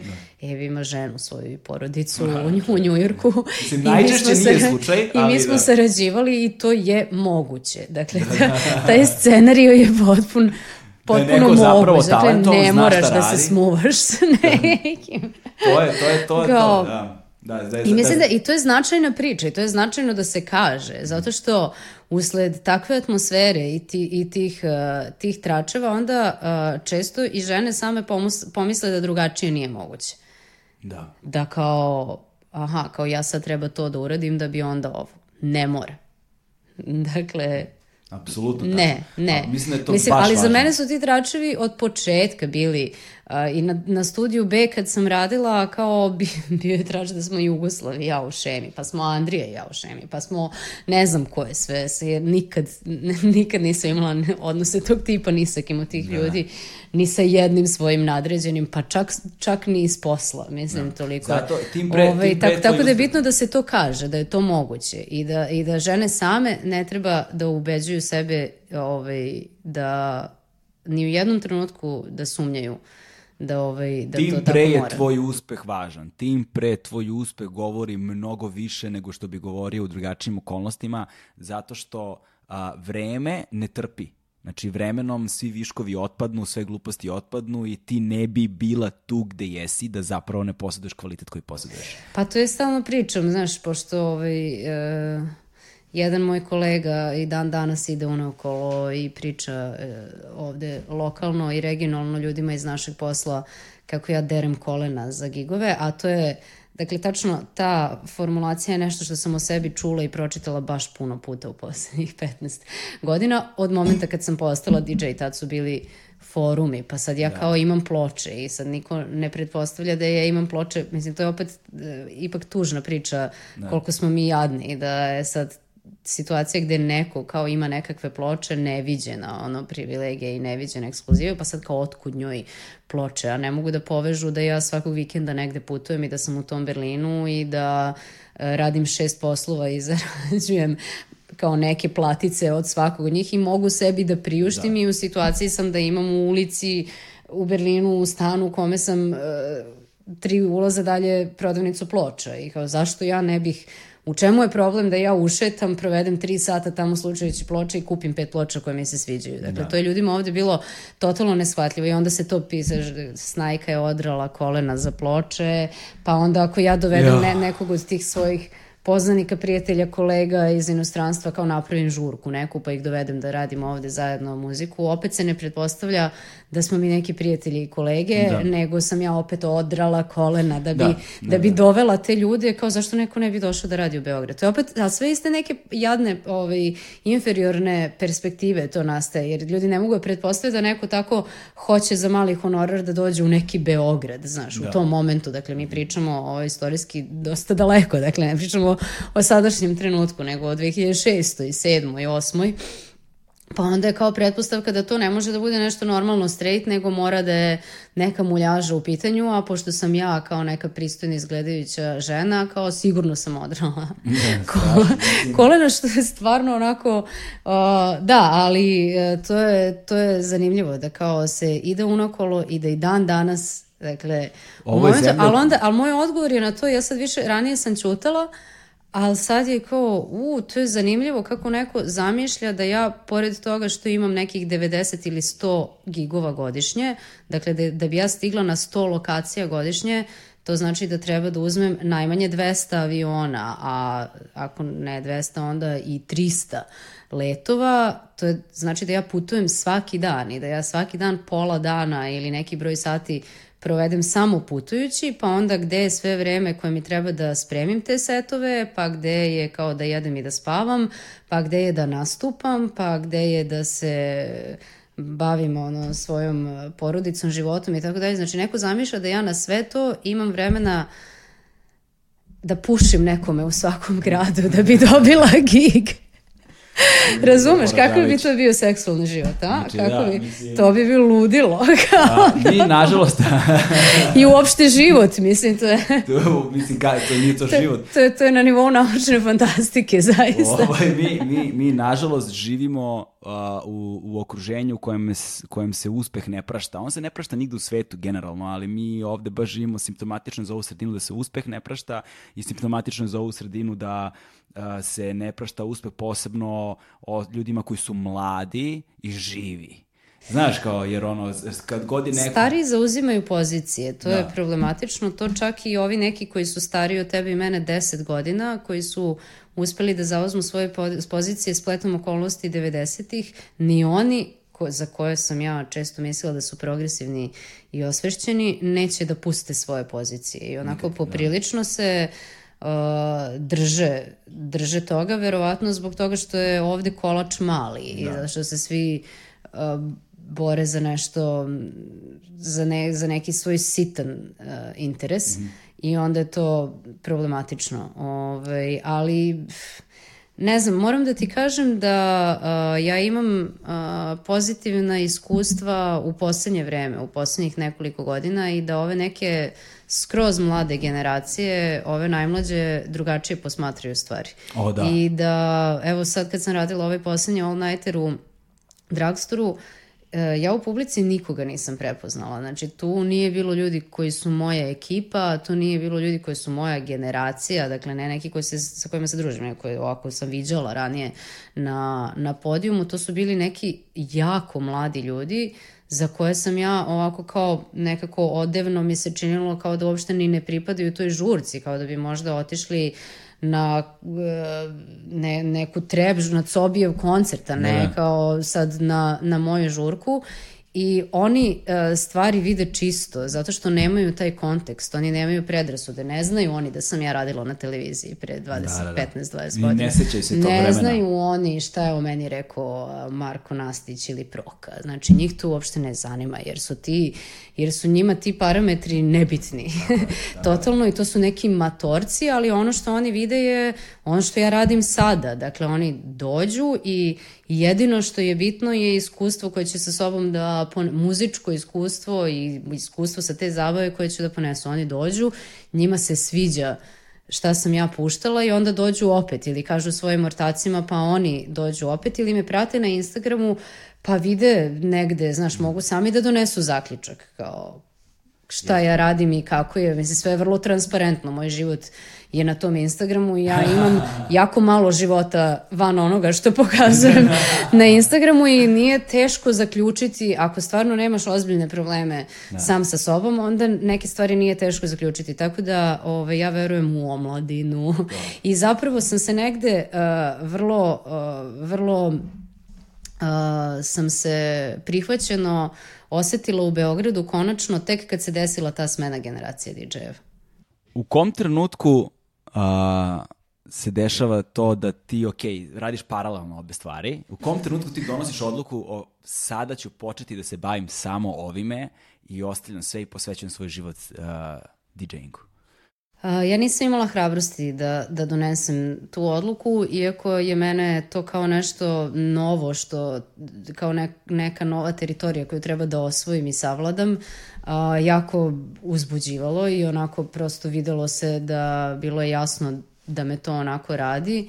E sad kako sam ja poprilično ovaj, manijakalnih kapaciteta, uspela sam da vozim sve to zajedno, da se istovremeno uložim na televiziju i na exit i na sve to što radim i na DJing i da vikendom putujem i da učim kako se koriste mašine za pravljanje muzike i da pišem tekstove i da nastupam i da se kostimiram i da se vratim i onda sve iz početka. Mislim, dobro, bila sam dosta mlađa, pa je to sve tako, tako uspeo, ali ja nisam imala hrabrosti da kažem da je to uh, sad, da je to moja glavna profesija i dalje sam negde prosto teško je. Ja sam se negde kao afirmisala na, to, na toj televiziji, na medijima, to sam znala, to mi je bila poznata teritorija i bilo mi je teško da sad to ostavim i da uplovim u ovo nešto nepoznato, što gde se i sama osjećam uh, nesigurno, a s druge strane ni taj beogradski feedback, odnosno feedback sredine nije bio takav da se ja osjećam dovoljno sigurno da sad ako se u to ubacim da, da ću moći kao da radim, da, da mogu da se oslonim na to. Mislim, meni je isto i taj uh, egzistencijalni moment bio bitan. Nisam mogla sad kao da dignem ruke od svega i kao sad idemo lagano iz početka DJing, gradim ja novi život. To je bilo nemoguće. Međutim, bilo je par uh, onako par nekih uh, situacija, to je nevjerojatno kako se u životu uvek jave tako neki znaci, nekad je potrebno da ti neko samo jednu reč ili rečenicu kaže koja će da ti onako u glavi odzvoni i da, da bude onaj kao aha, klik, da. Da, ti se, da ti se sve promeni. Prvo je bilo, dakle, uh, ta neka podrška roditelja, um, gde, jeli, mislim, moji su bili, bila ono, bili neka srednja klasa kao obrazovani ljudi sa super poslovima u socijalističkoj Jugoslaviji. On se sve raspalo i onda smo bili na ivici bede potpuno, ali sam ja zbog toga što su oni bez obzira na sve ovaj, uh, uh, bukvalno u trenucima kada je trebalo da odluče da li će da imaju novca za hranu ili će moji sestri mene da pošalju na časove engleskog, oni su ipak plaćali časove engleskog. Negde sam stalno osjećala taj, uh, tu obavezu da ih ne razočaram i da ne smem da budem luzer, nego sad sve to što su oni uložili u mene nekako ipak mora da se, mora da se, da se isplati i To je isto razlog što nisam mogla da, da tako da presečem i sad kao nekakav luzer da krenem u DJ-ingu jer sam u televiziji viš nisam bila luzer, da, da, da. Bila, sam, bila sam kao uspešna.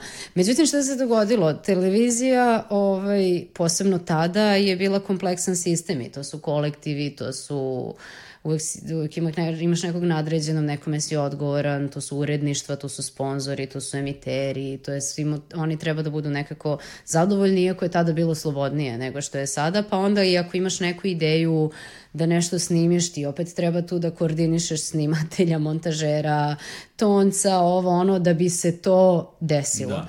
Uh, I ja sam često, zbog toga što sam svojeglava i što sam uh, beskompromisno insistirala na sadržajima uh, koje radim, dolazila u konflikte sa nadređenima i nisam nailazila na razumevanje. Uspevala sam da se izborim sa tim, ali je bilo stresno i bilo mi je jasno da u toj sredini su moji dometi ograničeni, da neću ja nikad postati direktorka televizije, neću nikad postati glavna urednica a, nekog medija, jer nemam to da mogu sve da zadovoljim, dakle nemam taj da. kvalitet. A možda nemaš um, i tu ambiciju? Imala sam ja ambiciju jer volim uvek da budem glavna. kao, uvek je ambicija krajnja, ona kao number one mora da, da, da. da bude kao... Ali ovaj... To je nešto što ide s uspehom, nažalost. Znaš, taj ego je ludilo. Pa a, ne, ne, ja sam tu imala i kao klinka, mislim da nije veze sa horoskopskim znakom, više nego, okay. više nego bilo šta drugo, a imam to, ja sam bila ružno pače kao dete, da, da pa sam imala zdravstvene probleme, operisala sam kičmu, bila sam onako uvek nešto drugačija, tako da su sve te okolnosti mene vodile ka tome da stalno moram da se dokazujem, a gde ćeš bolje da se dokažeš nego ako sve pobediš. Da, da, to je vrlo jednostavan recept. Da. I sva sreća sada sam svega toga svesna i poprilično cool, ne moram da, da budem da, najbolje i da pobeđujem nikoga. Bitno da. da sam pobedila samu sebe.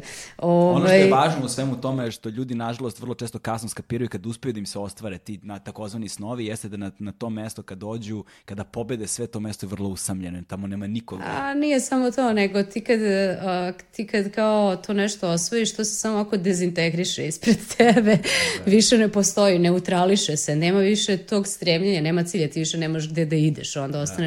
E, o, to je moment gde ostaneš sam sa sobom, pa tu zavisi kakav to si u kakvim si odnosima sam sa sobom. Ali htela sam da završim samo Reci, jednu stvar pre nego što se vratiš na ovo. Dakle, koji je to bio klik u glavi? Dakle, da se vratimo na roditelje. Moji roditelji nisu uopšte podržavali uopšte ideju da ja studiram društvene nauke, da idem u filološku gimnaziju, pa kad sam krenula da radim na TV-u, Muko, da. moja tata, mašinski inženjer, veliki stručnjak za avio inženjering, možda je jedan od najvećih u Evropi u tom trenutku.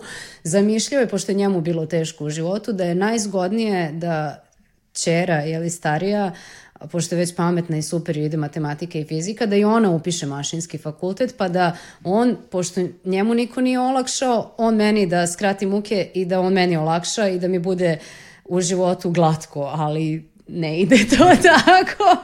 tako da sam ja uvek nekako kao to nešto radila protiv tih očekivanja, a odluka da budem DJ je verovatno bila najluđa u tom smislu i najdalja od onoga što su oni za mene i zamišljali, jer ljudi nisu ni znali da ta profesija postoji za početak.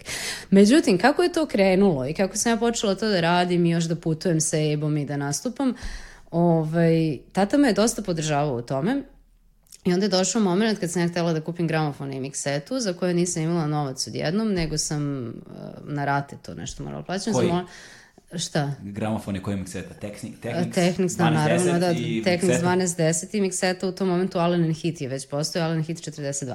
Ne. I ovaj, I ja sam zamolila tatu da preko neke njegove firme kao oni uzmu to na rate, a da mu ja svakog meseca dajem novac. I ja sam to platila. Uh, to jest uzela, dobila i kad je trebalo da počnem da otplaćujem, on mi je ovako rekao ne moraš ovo da platiš, ovo sam ti ja kupio, vežbaj ti taj miks, radi Wow. to i budi sama svoj gazda.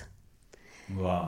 E sad, znaš, kad ti tako roditelj kaže, čak i kad imaš 26-7 godina, koliko sam ja u tom momentu imala, onako to je isto ne, neka odgovornost, da. Da, ih ne razočaraš. Ali s obzirom na to da kao ništa mi nikad nisu kupili, nisu, nisu jaknu mogli da mi kupe kad sam bila u osnovnoj školi. Znaš ti koji je to wow bio da od svih stvari oni ume u najluđoj podrže. I da mi, ali on rekao bitnu stvar koja je mene naterala da razmislim, a to je uh, kako to stvarno jeste neka profesija gde sve zavisi samo od mene, gde nema snimatelja, nema tonca, nema kamere, hoće sad da se ugasi kamera, neće, da, da, da.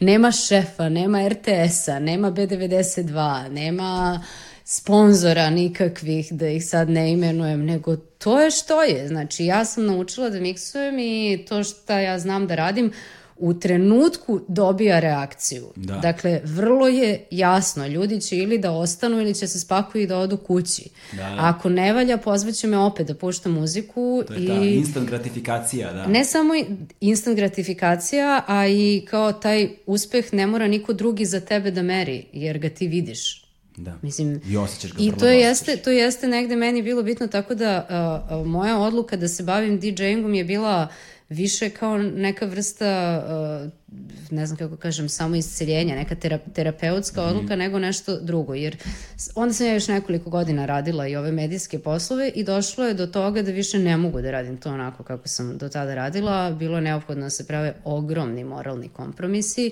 ogromni kompromisi u sadržajima, u muzici.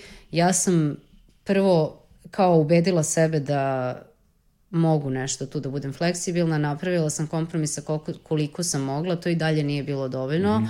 Počela sam da se razboljevam stalno, da dobijam nekakve čireve po licu i tu su Sve se, bilo tu jasno. su se ovaj, tu nekako na, eh, na obostrano zadovoljstvo i dogovorno smo se televizije i ja rastali i tu je nastala velika kriza, šta ću sada da radim? Stvari koje sam radila 10-11 godina više ne mogu da radim. Ono što znam najbolje, ja ne mogu da radim. Da. Međutim, ovaj, onako pomislila sam, pa čekaj, ja u stvari puštam muziku svakog vikenda, što to ne bih nazvala svojim poslom, Da. a ne kao nekom zabavom, hobijem i zezanjem. I naravno da je stalno, te tatine reči su odzvanjale, nauči to, izvežbaj, budi sam svoj gazda. kao budi sam svoj čovek. I onda sam ja tako pre svega, pošto sam bila u teškoj depresiji, ona kombinacija depresije i anksioznosti, meni je puštanje muzike bila terapija u smislu ne beže mi misli, ne razmišljam ni o prošlosti ni o budućnosti, nego je jedino što, o čemu treba da razmišljam to da li će sad ove dve ploče da zvuče jednu minut kao jedna, da li ću moći s ove da pređem na ovu i onda tako sledeća, pa sledeća, pa korak po korak. Da, to je velika Tako da je ove, ali jesam u nekom trenutku kao rekla, ok, ovo je sad moj posao i bilo mi je jasno da neću uspeti dostojanstveno da živim od toga ako budem radila samo u Beogradu, tada još to nije bilo izvoljivo, sada možda i jeste.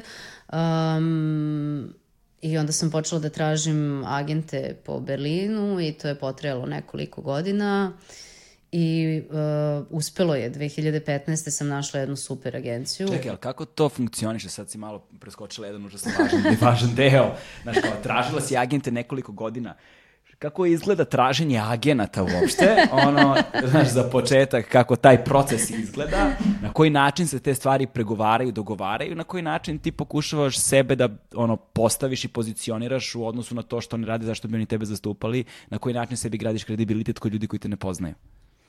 A, dobro, ja sam s jedne strane imala tu sreću da sam što ovaj, tokom tog perioda pevanja i turneje nas, na, nastupa sa Eve Dukem upoznala neke ljude tamo po Berlinu i ipak smo nas dvoje radili na velikim festivalima, na, u bitnim klubovima, tako da sam imala neku mini mrežu poznanstava. Isto tako sam intervjuisala sve DJ-eve ovog sveta koji su došli, koji su, koji su prošli kroz Beograd i kroz Exit, tako da sam imala i te neke kontakte, ali tada je iskreno za mene a, bio ključan Facebook. Jer e, su i ti ljudi svi mene znali kao nekoga koji ide intervjuiše i snima reportaže. Niko, znali su da ja to nešto kao puštam u muziku, ali me niko nije shvatao i percipirao kao kao DJ-a, niti su mislili da ja, ali ni ja sebe nisam shvatala ozbiljno. Mislim, uvijek sve polazi kao od tebe, kako kako ti sebe doživljaš.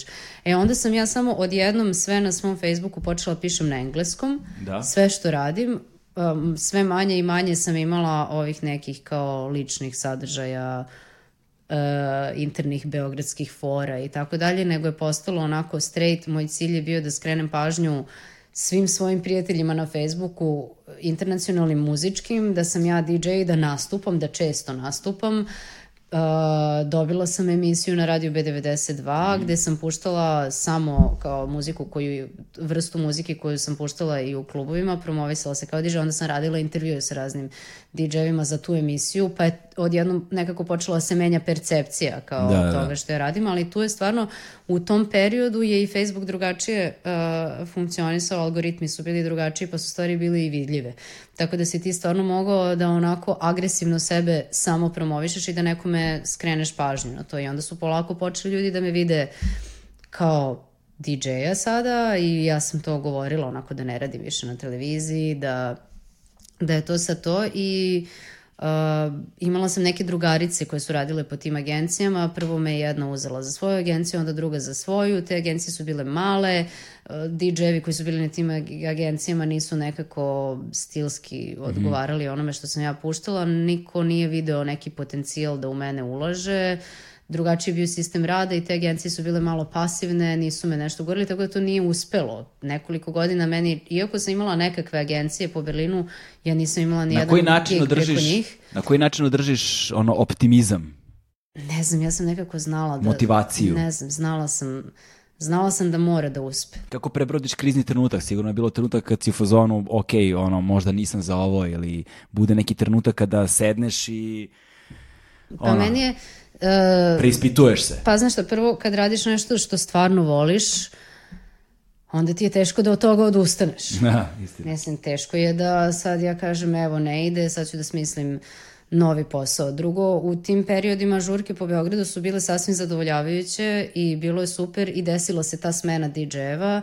Pojavili su se ova Mystic Styles ekipa i neki ljudi koji su 6, 7, 8, 9, 10 godina mlađi od nas i oni su mene prihvatili uh, van bilo kakvog konteksta televizije, medija i ne znam čega, njima se isto jako dopalo kako sam ja puštala i kako sam mogla tako s jednog na drugi žanr lako da se svičujem i uh, te moje žurke u Beogradu su postale popularne i posećene i mene to onako Na 24. E, Da, uglavnom Da, da, da. na 24, ali sam radila i u YouTube-u, Da, da, radila jeste sam i u mladosti, u Šećeru u jednom periodu po Da, tim da, da. svim klubo- klubovima.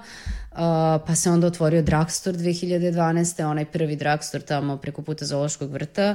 Um, I nekako me to držalo što sam ja imala tu instant gratifikaciju u smislu napravim žurku i pojavi se gomila ljudi i svi su presrećni Da. i Dakle, ti si zabavljaju zapravo se, znala se, da se, tu- imala da. sam tu vrstu samopouzdanja, samo sam znala da treba da probijem to da da van Beograda nekako... Uh, Van to- Srbije, Van svega, Srbije, da. da. Van, pa nisam ja puno radila u Srbiji. Da, da. Ne, Samo iz Beogradu. nekog razloga sam ja radila samo ni po regionu. Ja sam zapravo celu svoj, celo svoje iskustvo i celu svoju karijeru i veštinu i sve izgradila u nekoliko klubova nekoliko prijateljskih klubova u Beogradu i stvarno sam beskreno zahvalna ljudima kao što su Pepe, eh, Šilja, Neca i ovaj Vlada i Gordan koji su me tako i kad sam bila nesigurna i kad nisam bila stvarno iskusan i tehnički dobar DJ podržavali jer su nekako mislili da je to ovaj, da je okej, da treba da me podrže, da videli su tu neki potencijal. Ovaj, tako da me to negde držalo. I, ali bilo je, bilo je o, o, ja sam zapravo i naletela na, na agente u momentu kad sam htela da odustanem. Ali to se sve desilo, mislim, ta priča je, barem iz moje perspektive, negde bila mnogo više na nekom kao, ne znam kako da kažem, možda spiritualnom nivou, psihološkom, značajna nego nego u smislu nekakvih konkretnih koraka i zadataka, to Da. jest koraka koje ja mogu sad nekome da prenesem i da kažem, e, treba ovo ovako da uradite. Ja sam a, samo u jednom trenutku se potpuno svela, dakle, shvatila sam da više ne mogu nikakav kompromis da napravim sama sa sobom i onda sam polako počela i da odbijam a, gigove koji su mi nebitni i u kojima se ne osjećam dobro, pošto sam radila i komercijalne događaje, sad, ne znam, otvara se Nike radnja u Beogradu, pa nas angažuju, pa kao Rosićka i ja puštamo, ili već tako, da, ta, da. tako nešto. Ali to su sve bile situacije koje su onako malo bizarne, u smislu šta ja ovde.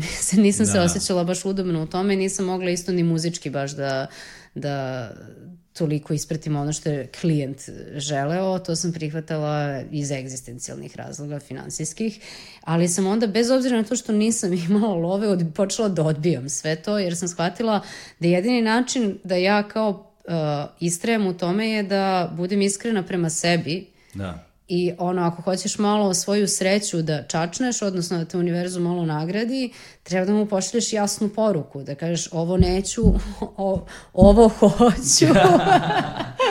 to je Woody Allen lepo rekao, svaki čovjek koji govori o razlozima za sobstveni uspeha da ne navede sreću, laže sebi i druge s jedne strane, a s ima, druge strane ima znači, i ona sreće, narodna... Sreća je apsolutno veliki faktor, ali ima i toga da sreću možeš malo da hakuješ, možeš da, da je, da je nešto izbrusiš. Noć je najmračnija pred cvitanje.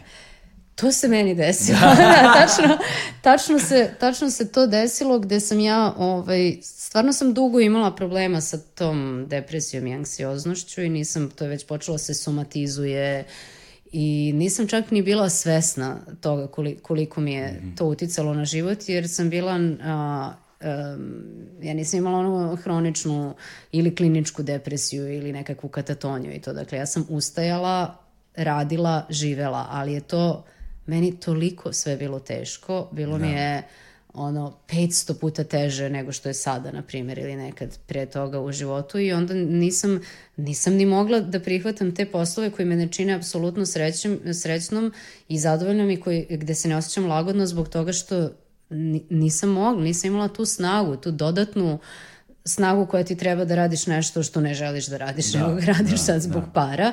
Ovaj, um, I onda je polako krenulo to čišćenje. Prvo sam počela na, krenula na psihoterapiju, Uh, tu mi je objašnjeno da je alkohol depresant, da ne mogu ni vikendom da popijem tri pića, znači da apsolutno nema. Ako nećeš da budeš depresivan, ne smeš ni kap alkohola nikada da piješ, što stvarno je revolucionarna ideja u ovoj našoj toksičnoj da, sredini.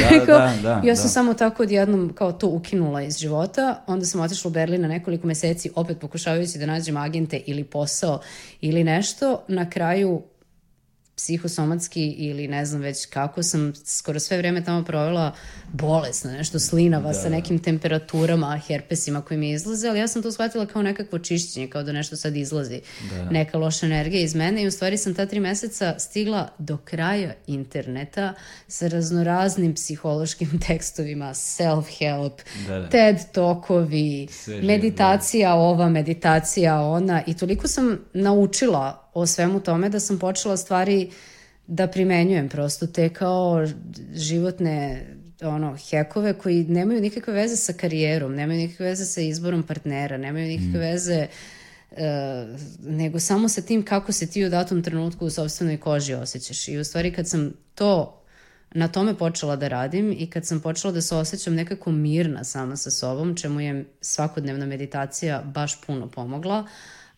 a onda nakon toga i, i specijalna dijeta gde sam se ono i fizički totalno pročistila, kad sam, ja sam u potpuno bezizlaznoj situaciji gde nemam ono, leba da jedem, bila potpuno mirna i, i osjećala sam kao ipak će sve biti okej. Okay. Mm -hmm. Čak ni ne moram da se bavim ovim DJ-ingom. Eto, ako to sad ne uspe, ja ću ponovo nešto da počnem iz početka i imaću neki novi svoj život I to će sve biti u redu. I u tom sve, trenutku... Sve će biti u redu. I iz tog nekog apsolutnog mira uh, opet počinju ti neki znaci kao da se javljaju septembar i mesec najavljuje se Amsterdam Dance Event, što je jedna o, ogromna konferencija i festival u Amsterdamu gde se svi ljudi iz... Svako ko je neko.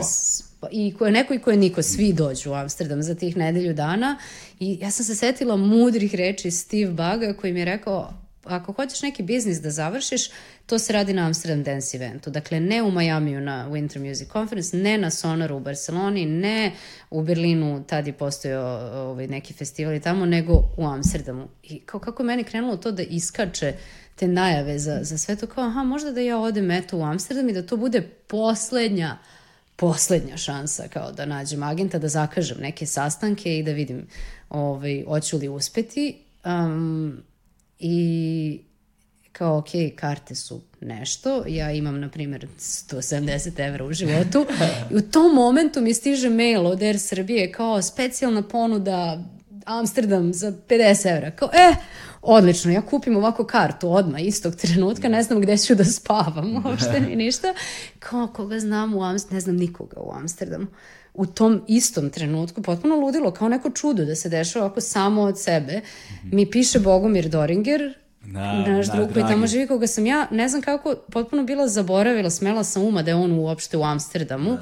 I kao, ej, jel dolaziš možda na Amsterdam Event, meni treba neki sastanci, ovo ono, ako možeš kontakt, da, da mi pomogneš sa kontaktima. Jako fantastično, nađi mi gde da spavam. Ja sam i ovako htela da dođem, evo sad sam kupila kartu i tako ja rešim da odem u Amsterdam. Odem tamo, tako potpuno mirna, kao ako bude, bude, ako ne bude, ništa Sela vi. Da. ne zakažem ni jedan sastanak.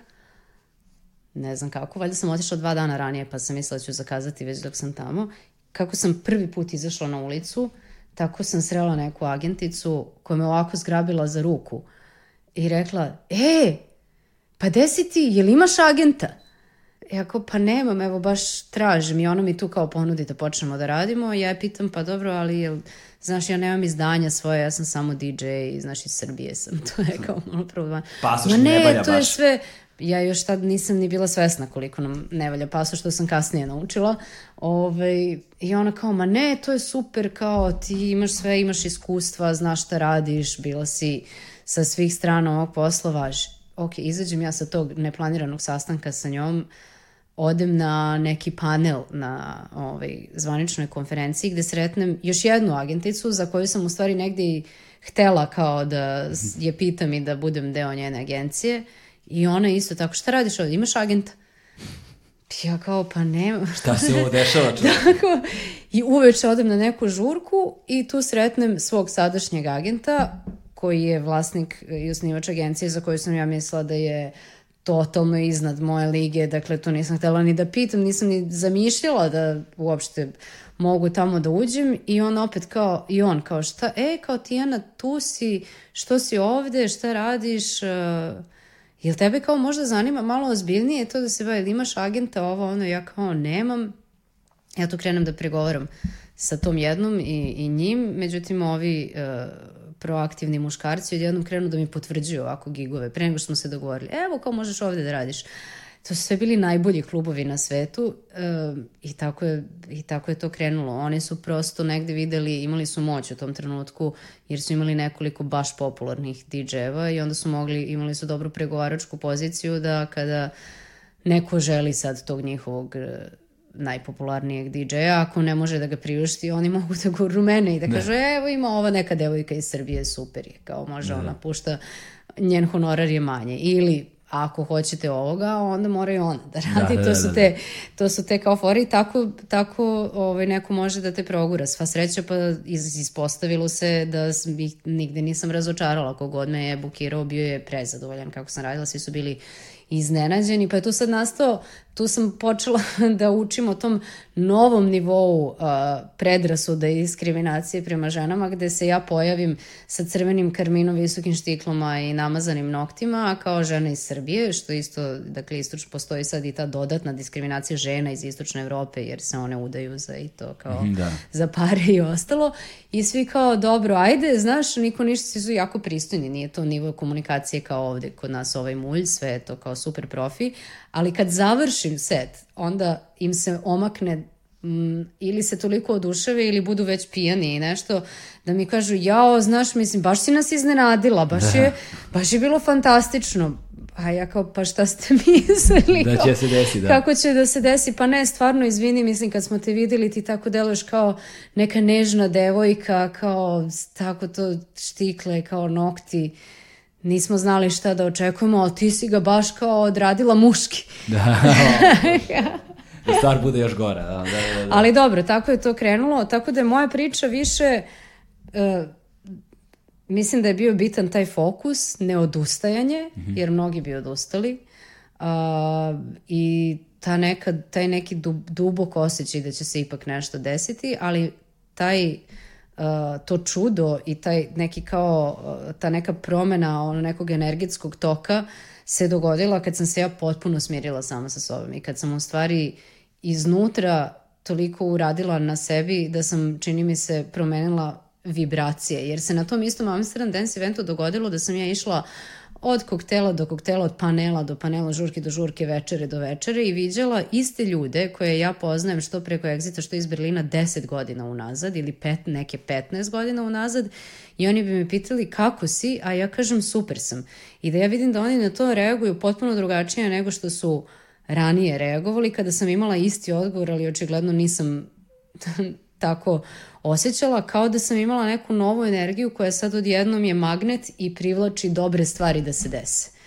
Tako da malo je neuobičajen odgovor koji pa sam ti dala, ne, ne, ali zapravo nije, pa, zapravo ali, nije ovaj, mislim zvuči ljudi često ne, ljudi dok im se tako nešto ne desi ne mogu da veruju u te stvari. Onda smišljaju razne ali, druge pazi. scenarije i zamišljaju da su to naravno da ti moraš da budeš posvećen. Naravno da moraš da uložiš nenormalno mnogo rada e, i truda i energije. Da. Treba budeš strašno fokusiran na ono što želiš. Za početak treba da znaš šta želiš, pa onda kad to definišeš da samo onako ideš ka tome i da se da. stalno posjećaš, da sam sebi svaki dan pišeš šta ti je cilj i kako da to, koji su načini da se do tog cilja stigne. Sve to mora da se radi, ali dok sebe ne dovedeš u to neko stanje da si ti okay sa sobom mm. i ako svi tvoji ciljevi i ambicije propadnu.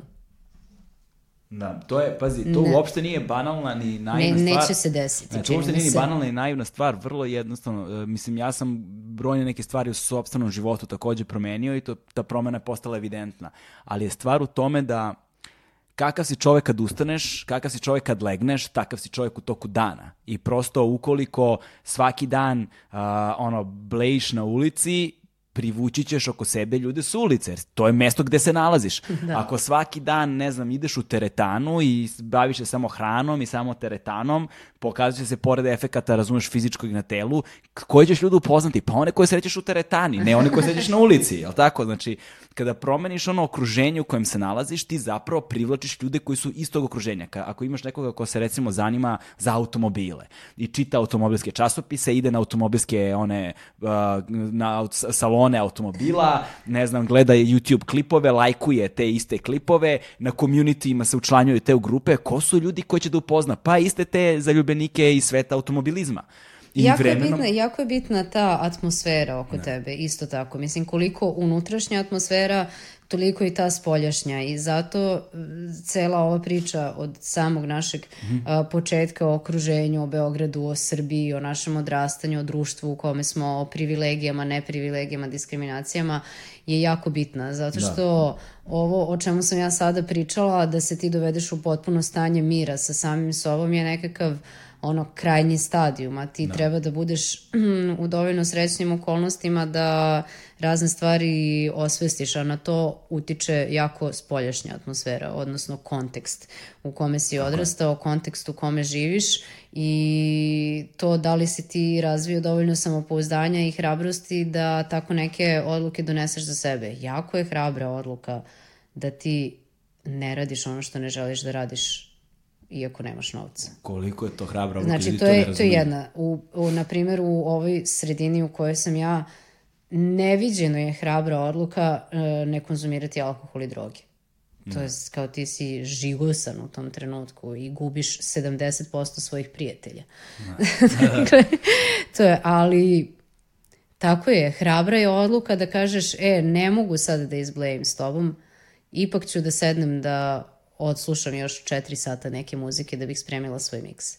Ili, ipak ću da sednem pa ću da pogledam gde radi 670 DJ-eva za koje mislim da su slični meni, zapisati spisak svih klubova na kojim, u kojima su oni radili, radili našla me, naći mailove svih bukira tih klubova i poslati hiljadu i po mail. Znači, to sam ja radila. To da. sam sve radila tokom tih godina gde sam bila očajna i gde sam mislila da, da sam kao negde duboko verovala da će se desi, ali baš nisam ni bila sigurna da, da, da. da će da se desi, ali nisam imala, dru, nisam imala šta drugo. Mislim, ja sam mogla da snimam te svoje mikseve, da ih kačem na SoundCloud, da radim te svoje žurke, da, da se trudim da taj moj internet profil kad neko kome ja pošaljem mail ode i kao ukuca u Google ili u Facebook ili već gde god na YouTube moje ime, da mu izađe nešto što je relevantno, nešto što komunicira sa njim. Znači, Da, da. da ne bude da sam ja poslala mail ovako nešto tražim, a nemam ništa da ponudim, jer mi odavde ne možemo da ponudimo to da nas e, neki uh, bukir velikog festivala čuje jer živi u gradu u kome ti radiš u nekoj birti. Da, ne. nema toga, Mi, da. Znači, jedino što možeš da uradiš je da šalješ te mailove i da skrećeš na taj način pažnju na sebe. Ja, ja sam to sve radila, ja ne znam koliko sam mailova pos, poslala, možda sam dva odgovora neka dobila. Ali je zanimljivo da sam isto tako i pisala te spiskove klubova gde želim da radim. Spis, pisala sam spisak želja, pisala sam kao, zapisivala sam te neke svoje maštarije i ciljeve i recimo za prvih šest meseci ili godinu dana uh, rada sa ovom agencijom sa kojom sarađujem od 2015. sam ja radila u svim klubovima i na svim festivalima sa tog spiska. I to je stvarno neverovatan osjećaj. Jesi imala te wow efekt da si stala nekad pogledala i kao da, i krenula kao, da, da, pa jesam, mislim, ja se svega sećam, ali moram priznati e, što nisam do sada spomenula, da je stvarno, ono, podrška je važna. Ja sam tu imala u tim nekim naj, najmračnijim uh, trenucima ono, potpunog uh, sunovrata, motivacije i raspoloženja i optimizma, sam imala nekoliko prijatelja i prijateljica koji su više verovali u mene od mene same i koji su se onako sami inicijativno organizovali da mi kao pomognu. Pa je, ne znam, Lazara slala stalno, Lazara Marinković, tvoja bivša koleginica, Da, da, da. je slala mailove neke, ona je ja, tražila e, neke kontakte za neke novinare, pa da kao zašto ona nije na listi tamo, ona je najus, najuspešniji DJ u Beogradu, a niste je stavili na listu, pa zašto, pa jel može ove, mislim i nju su oduvavali, ništa se od toga nije desilo, ali je meni stvarno mnogo značilo u tim trenucima što postoji eto tih troje, četvoro, petoro ljudi koji, koji su negde verovali u mene. Ja sećam užasno je- važno, da. Sećam se n- kao dan sastanka koji sam imala sa Atomkom. Atomka je Andrijana Tomka iz Novog Sada, jedna jako vredna i genijalna devojka koja je dugo radila uh, ce organizaciju hostinga izvođača na Dance Areni, na, znam. na Exit festivalu i zna me jako dobro i ona i Lazara su se dogovorile da me pozovu u Guli i kao mi da sednemo, ja sad sedim, ne znam šta hoće od mene i Atomka kaže Tijana, mislim, moramo da se dogovorimo, ovo više ne može ovako, ne možeš tako da vucaraš tu svoju ambiciju, treba da sednemo i da smislimo strategiju i korak po korak da vidimo kako ćemo da, da te dovedemo kao tamo gde, gde treba da budeš, gde pripadaš, znaš koliko to znači. Pa da. Mislim, Užasno posebno, znači- posebno znači kada doživljavaš te tu neprestanu pasivnu, agresivnu od svojih kolega, pa malo bullying, pa te tračeve, pa čitaš gluposti o sebi, pa to naj, mnogo, mislim, u tom kontekstu puno znače svi ovi drugi koji te podržavaju i koji ti pomažu i da. koji ti... Užasno je važno da u životu ono, uh, umeš da prepo... kao vožnja. Znaš, da umeš da prepoznaš kada si dovoljno umoran za vožnju i da treba da sedneš na suvozačko mesto i neko preuzme volan i da poveze malo auto. Znaš, barem sat i po dva da, Da, malo ovo je bila velika pomoć stvarno ovaj, u kontekstu tako te neke motivacije, a i toga da kao sad znaš, neki ljudi nešto hoće da urade za mene, pa moram onda ja malo da se razbudim, da. se iscimam, ali da, zapravo je sve glatko krenulo u trenutku kada sam ušla u vode internacionalne i kada je tu bila a, agencija koja nudi neku baš onako ozbiljnu profesionalnu podršku.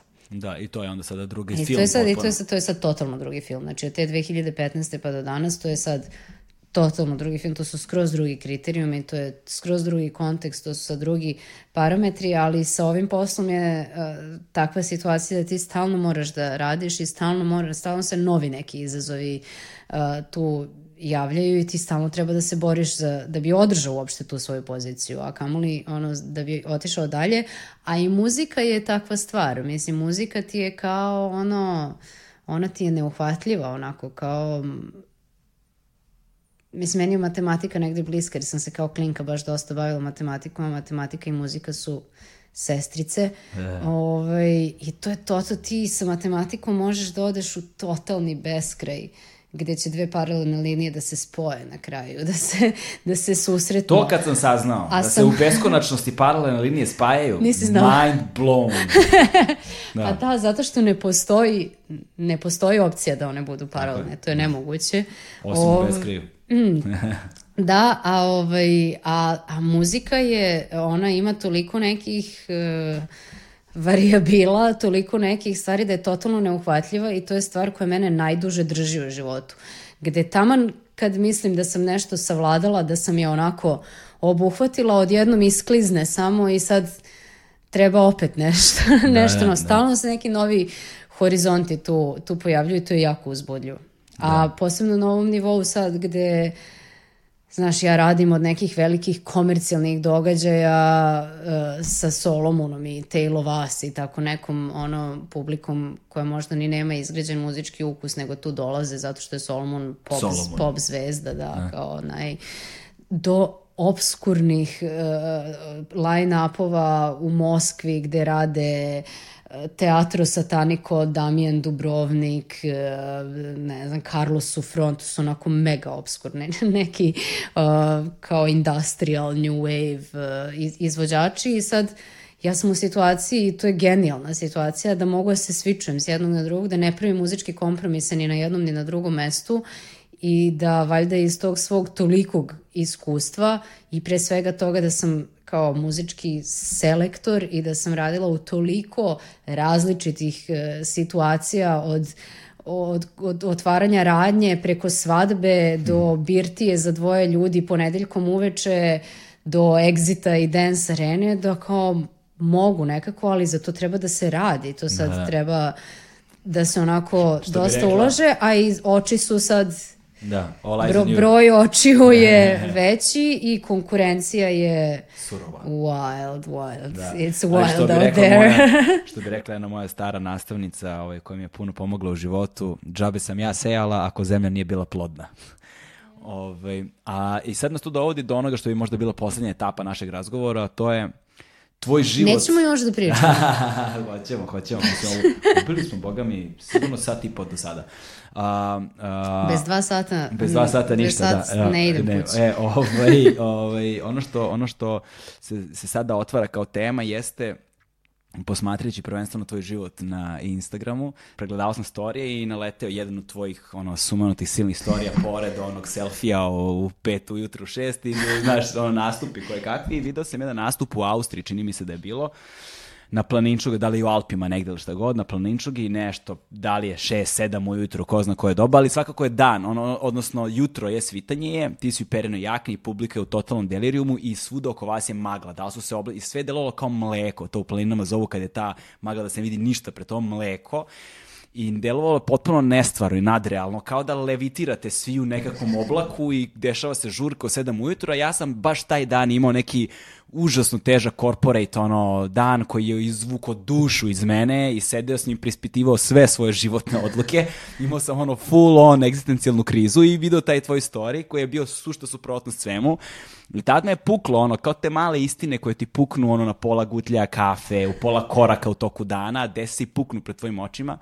I shvatio sam, jebote, ono, postala si veliki DJ. Znaš, kao dešavaju ti se stvari koje su, koje su rezervisane za vrlo mali broj ljudi na ovome svetu. Bez obzira koliko god da je ta konkurencija u svetu DJ-inga velika, ona je u odnosu na celokupnost populacije sveta i svih ljudi koji bi želeli da žive taj život izuzetno mala cifra. I ovaj i tvoj život je sigurno se sigurno promenio radikalno, znači tvoja stvarnost, znači ja više vidim tvojih fotografija po aerodromima nego po aerodromima nego, nego, nego bilo gde drugde, znaš. Tako da kako, kako izgleda tvoja stvarnost sada? Um, da, ta žurka je bila, nije bila u 6-7 ujutru, to je bilo neko posle podne ovaj, i to je bilo na granici Italije i Francuske. uh, Eto, sve sam To promašio. je drugi, ali dobro, bili su Alpi i to je drugi najviši vrh uh, posle Mont Blana. Aha, ili tu, e, to je druga najviša tačka na koju može da se popne, ovaj, nekakva platforma uh, nekog tu kafića, nekog mesta odakle kreću ovi da se spuštaju ovaj, koji, koji, se, koji skijaju. To jeste potpuno nadrealna situacija gde sam ja prethodnog dana radila u š, negde u Španiji gde je bilo 30 stepeni jer je bio septembar i dalje leto i sve kolege DJ-evi su i dalje postavili svoje fotke sa Mikonosa i Ibice, a ja sam onda bez spavanja sela na avion iz Španije za Ženevu, pa iz Ženeve kolima do Šamonija, pa tamo 20 minuta da se umijem, popijem čaj i odem na uh, 3000 metara visinu gde su mi uvalili to, te perjane jakne i sve. I onda sam sat vremena radila na minus šest, na primjer, uh, u oblacima. I meni je to bio trenutak gde sam ovako stala i pomislila, mislim prvo na toj visini ti se zavrti u glavi i ti se onako osjećaš čudno, malo omamljeno, ovaj, ali sam pogledala ispred sebe te ljude koje luduju, vrište, to jeste izgledalo kao da žurka levitira u prostoru i setila sam se one čuvene žurke u svemiru iz autostoperskog vodiča kroz galaksiju gde su oni u onoj zgradi žurci koja leti u krug i nikad se ne završava i pomislila evo ja sam sad uspela u stvari u svom životu da se nađem u toj, toj situaciji ali sam zastala i pomislila šta je moj život? Mislim, da. ja imam neprestano egzistencijalne krize, jer uopšte ne mogu da odredim tačno kao, kao što, kako sam ja sad uspela za nekoliko sati da se nađem od uh, neke kao pustinje u da. Španiji da. ovde i šta se ovo dešava i ko, ko su ovi ljudi i tako.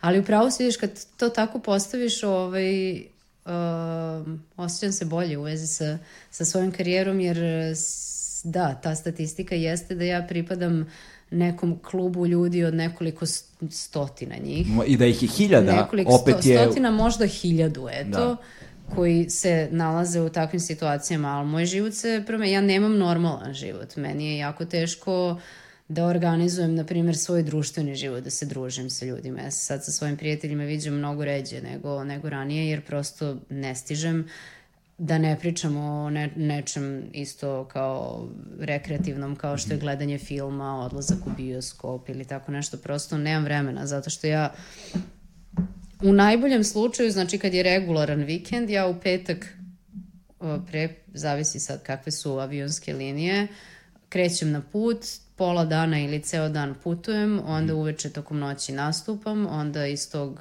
mesta gde sam radila u subotu opet negde putujem, onda u subotu isto nastupam, onda dođem kući u nedelju, znači to je tri dana nedeljno da ja uopšte nisam uh, prisutna, znači nisam u svojoj kući i to je kao idealan scenario. A nekad se desi da radim i u nedelju, nekad se desi da radim i u četvrtak, nekad se desi da radim i u sredu, pa onda krenem u sredu pa se vratim u ponedeljak. Da.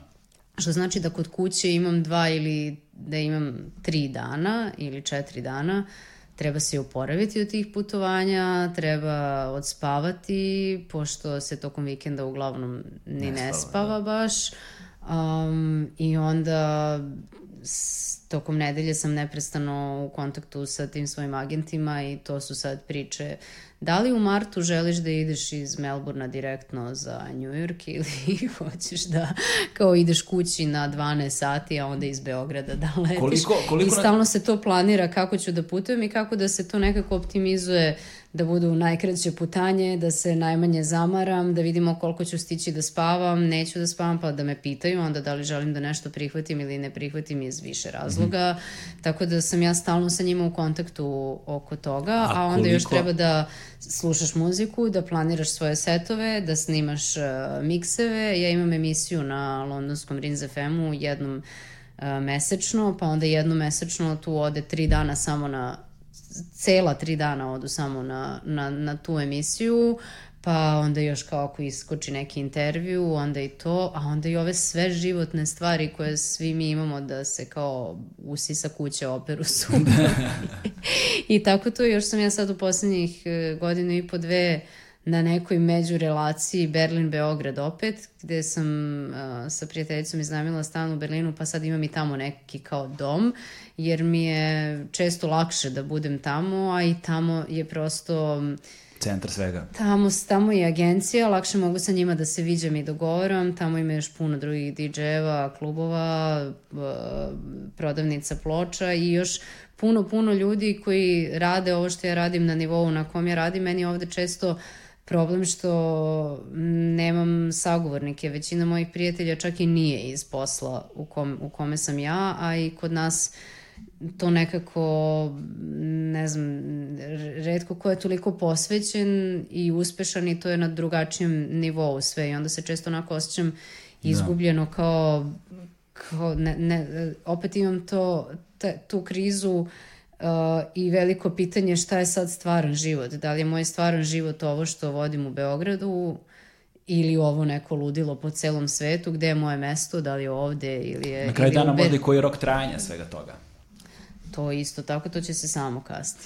A, Kao što se kako, za televiziju kazalo. Da, da, da. Kako, kako, kako deluje balansiranje, ono, na, moj, moj najveći problem kada mi se vežu nekakva putovanja, što se meni dosta redko dešava, posebno ko imamo prinovu, jel te, ovaj, u životu, i gledam da budem što više kući i da kad god ne moram da putujem, to zaista ni ne uradim, ali kad god se ide odmah mi se bala, odmah ulazim u disbalans, ono, ili lošije spavam, ili me negde putovanje malo poremeti i onda se postavlja pitanje kako se zdravo hraniš, kako održavaš ono, ne znam, fizičku aktivnost, kako, da li kada otputuješ na te neke, na te neke silne destinacije, koliko zapravo slobodnog vremena imaš da vidiš nešto?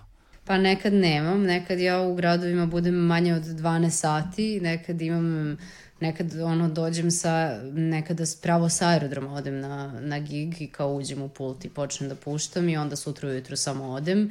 Um, jeste, sve, sve su to izazovi i problemi sad kad se to tako, tako živi, pa umor, pa jet lagovi. Ali, A kako podnose srpski pasoš? pa, pro, srpski pasoš je posebna tema, ali u suštini um, posao DJ je nešto vrlo slično profesionalnom sportisti zapravo. A, ne možeš da, bud, da ne budeš disciplinovan. Sve što je zapravo i teže, jer sportisti uglavnom imaju tim nekih ljudi oko sebe koji se bave time kako će da se hrane, koliko će da spavaju, kada će da vežbaju i tako to, a ti kao DJ moraš sve to sam nekako da se organizuješ u neuslovima gde se niko ne brine o tome da li ćeš ti spavati ili nećeš spavati i da li ćeš jesti ili nećeš jesti, ti samo treba se pojaviš tu gde treba i da da li možda ishranu ono, to, to, de, to deliver, tako da treba da imaš vrlo jak ovaj, bože, sad kao Disciplinu. gastarbajteri, fali mi reč na srpskom strong mind. Da. ovaj, snažan um. E, snažan um, da, treba da imaš disciplinu uma i sad ja se teram da kad imam tri sata u hotelskoj sobi, pola sata radim vežbe. Pa i onda gledam, ako imam ovoliko prostora pored kreveta, ja ću tu da legnem i da kao radim svoje vežbe, jer znam da će sve da mi bude lakše ako budem radila te vežbe. Imam duge periode kad ne mogu da se disciplinujem. Naprimjer, meditaciju sam dosta zapostavila i to mi jako utiče. Kad sam meditirala, sve mi je nekako bilo lakše, o, što je samo 15-20 minuta dnevno, ali ja nekad ne mogu da se svrtim, nemam taj kao peace of mind da sednem da, da, da to uradim. Uh, vežbe sam sad ponovo vratila, imala sam jedan dugi period kad nisam, onda sam shvatila da mi je prosto sve bolje kad radim vežbe, da mi je duh bolji, a ne samo telo i da fizički sve bolje podnosim i pridržavam se nekakvog režima ishrane. Uh, ja sam iste te 2015. kad sam sve čistila i razrešavala, otišla na testiranje uh, kod e, doktorke kvantne medicine i onda mi je uradila onaj test za alergije i intolerancije, jer sam mhm. tada imala neki nenormalan bronhitis koji nikako nije prolazio i onda se ispostavilo da je alergijski, onda mi je uradila taj test, rekla mi je šta bi šta je, je nepoželjno da, da konzumiram i ja sam samo prestala sve te stvari da jedem i pijem i od tada mi je nekako imunitet mnogo jači, zdravlje jače i sve ovo mnogo bolje podnosim sa, sa tom dijetom, ali to je opet mega disciplina gdje ti treba gladan na aerodromu gde postoje samo sendviči da, da iako si gladan doneseš odluku da ne pojedeš taj sendvič da. jer znaš da je loš za tebe i da uzmeš sok ili kesicu badema ili već nešto što ti je kao, kao dozvoljeno. I sad ja naravno ponekad i brljam sa, sa tim režimom ishrane, ali to odmah čim nešto zabrljam ili se razbolim ili ili mi se nešto poremeti ekvilibrijum. Prosto mi se, dokazalo mi se da je bolje da se... Da, sad da postala je jedna od onih koje smo najviše kunuli ono dok smo, rad, dok, si, dok smo zajedno radili u medijima, a to je kao da imaš na rajderima šta mora da bude od ishrane, ono šta Ne. mora da nema šta. Ne, ne, baš zato što imam to iskustvo, ne želim da budem ovaj, problematičan izvođač Mhm. I neko ko izvoljeva, mada sam skoro shvatila da možda to nije loše. To kad malo kreneš da, izvođ, da izvoljevaš, onda te drugačije tretiraju, malo više obrate pažnju Mhm. na tebe i tretiraju te s poštovanjem. A ja sam sve vreme onako iz ove svoje srpske perspektive jako zahvalna bilo čemu što mi se desilo i onda onako se trudim da ne stvaram nikakve komplikacije, nikakve probleme, da sam ona mirna, Da, kao da, da. povučena i nezahtevna. Ovaj, pa mi se često dešava tako da me malo i zaborave kad treba da planiraju neke stvari. Ali ne, ja sam negde shvatila da, uh, pošto se sad već četiri i po godine tako hranim, da gde god da se nađem, u kom god sam restoranu, uvek ću nekako na, na jelovniku naći nešto što smem da jedem. Da, da. Ili mogu da zamolim da mi izvade sir i salate ili već ne znam šta, da nešto sad ne izvoljevam. Jer to nije samo jedna stvar gde ja kažem ok, ne jedem uh, kravlje proizvode ili ne jedem gluten ili ne jedem ne znam šta, nego je- su to vrlo specifične stvari jer je individualno, sva, svako ima raz, različite te intolerancije, pa ja prosto ne želim nikome da komplikujem život. Ali Da, da. tražim im ovaj, da dok radim, a, to jest na tokom giga, da tu ima nekog voća i tih e, badema, indijskih oraha, jer nekad ne stignem da jedem i to mi bude cela večera. Pa da, to je važan izvor energije, mislim, 100 grama badema nosi skoro 600 kalorija, tako da je to, znači, 100 grama kikirikija, Pa, to je vrlo... jeste, da. ljudi, ljudi koji se bave alpinizmom, ljudi koji osvajaju Everest i tako dalje, koji idu na te ekstremne visine, oni pakuju zapravo te energetske barove koje imaju, šta oni rade? Melju u suštini uh, sve te orašaste plodove, melju, ono, bademe, kikiriki i tako Smokve, dalje, smokve, brusnice ono, sve tako. to i on se to kom, kom, sabija pod pritiskom u te energetske čokoladice zato što na velikim nadmorskim visinama ovaj, recimo na 2000 metara nadmorske visine tebi je potrebno 2 litra vode dnevno samo da bi disala. Znaš, dok a, po energe, en, kalorijska potrošnja, energetska potrošnja da bi organizam održavao svoju telesnu temperaturu, izdržavao posebno prilikom manjeg a, bogatstva kiselnika u vazduhu, ovaj, tebi je neophodan ogroman kalorijski unos. Njima je recimo kad se penju Everest potrebno skoro 12.000 kalorija Wow. dnevno. Wow, to je šest Zato puta više Da, nego- zato se oni vrate, ono, osušeni, izgube 20 kilograma, znaš, tako da, i onda je neophodno kako da uneseš tu veliku količinu kalorija, a to budu opet neke kalorije koje imaju funkciju i da su zdrave, znaš. Ja da, živim na tim energetskim barovima, a posebno što kad toliko letiš, uh, to sad utiče na, i na organizam, mislim, to letenje, avioni, to uopšte nije neka sad preporučljiva Da. i, i zdrava stvar. I, na primjer, ljudi koji rade u avijaciji, piloti, stewardese i tako dalje, to osoblje, uh, oni imaju vrlo jasna pravila koliko smeju u toku nedelje da lete, kolik, kolika je pauza između letova, Da. koliko mora da se spava, DJ život uh, onako baš zločinački krši sva ta pravila. Um, tako da je, znaš sad ti ako pojedeš nešto slano u avionu, posebno ako si, uh, ako imaš žensko telo, onda se nadojiš, pa onda, jer to sad skuplja neku vodu. Pa mislim, to je toliko nekih sitnih parametara, ja imam gomilu nekih stvari, mislim, meni je taj kofer i ceger koji nosim sa sobom na sva putovanja kao neka kuća, ali onda kao i što u kuhinji imam neke stvari e, koje želim da imam ujutru. Kad se probudim svaki dan, tako i sa sobom na putovanja nosim ono survival kit. Uvek imam svoj čaj u slučaju da nema čaja nego samo kafe jer ne pijem kafu više, da mogu da popijem čaj. Uvek imam te bademe, uvek Ne imam... piješ kafu. Ja Ne mislim da bez kafe moj život bi se okončao ovde i sada. Znači, to je strašno. Znači, To sam ja mislila, ali vidi, zamisli, nije. Nije, Evo da. me, živa, zdrava, sve ok. Da, to je na tom testu ispalo i to mi je bilo najteže. Dakle, sve žitarice sam ovako izbacila Ali bez kafu. problema, kravlje mleko, kravlje proizvode isto tako. Sa kafom je bilo takvo narkomansko iskustvo gde sam pet dana ležala bolesna u krevetu, povraćala i bolela me glava, prekrivena jorganom na 28 stepeni, tresla se, totalni ono junkie experience, peti dan ovako ustajem iz tog kreveta i kao ne mogu, sve ću da zradim, samo ovu kafu ne mogu. I u tom momentu mi zvoni telefon od ove žene koja mi je radila taj test i ona kao, Tijana sine, evo ja samo da vidim jel se pridržavaš ovoga što sam ti rekla? I Ja sam to onako shvatila kao opet neki kosmički znak i kao ova je luda veštica. Bolje da ne popijem ovu kafu sada, zvaće me opet, ko zna šta će da se To, to, desi. to. Ali stvarno je teško. Mesec dana mi je trebalo da se saberem. Bez kafe, ali sad stvarno može. Koliko si ovaj, uh, ono, zemalja sveta obišla uh, posljednjih od 2015. do ovamo, na ovamo? Jel znaš možda uopšte broj? Ja, nisam sigurna. Mislim da je 2018. bilo 48. Nisam sigurna. Ne znam da li posle toga bilo nešto novo. Rekla bih da možda i jeste, da.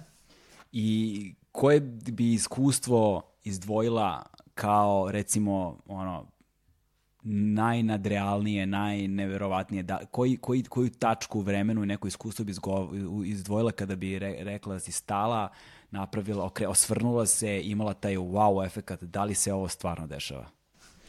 Pa ovo što si ti video na Instagramu je bio jedan od, da. od tih momenta.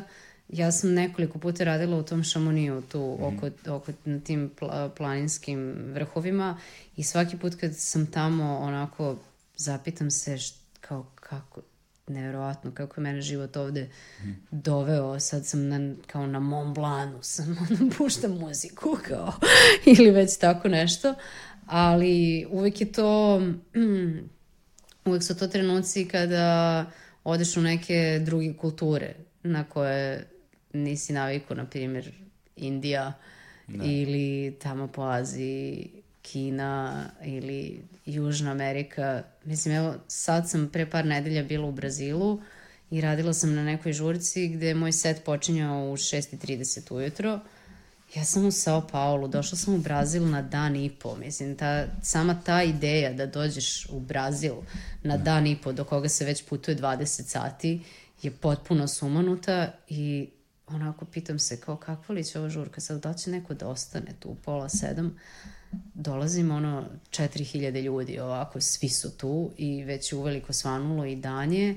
Ja sam počela da puštam muziku i posle nekih sat vremena seta sam samo onako kao da sam još više otvorila oči, pogledala svaku tu osobu na, na, na podijumu i pomislila ovo je neverovatno što se meni dešava. Ja sam u Sao Paulo, ne 8 je ujutro i imam ispred sebe neke hiljade ljudi koji živaju u onome što im ja sada puštam, to je neverovatno potpuno.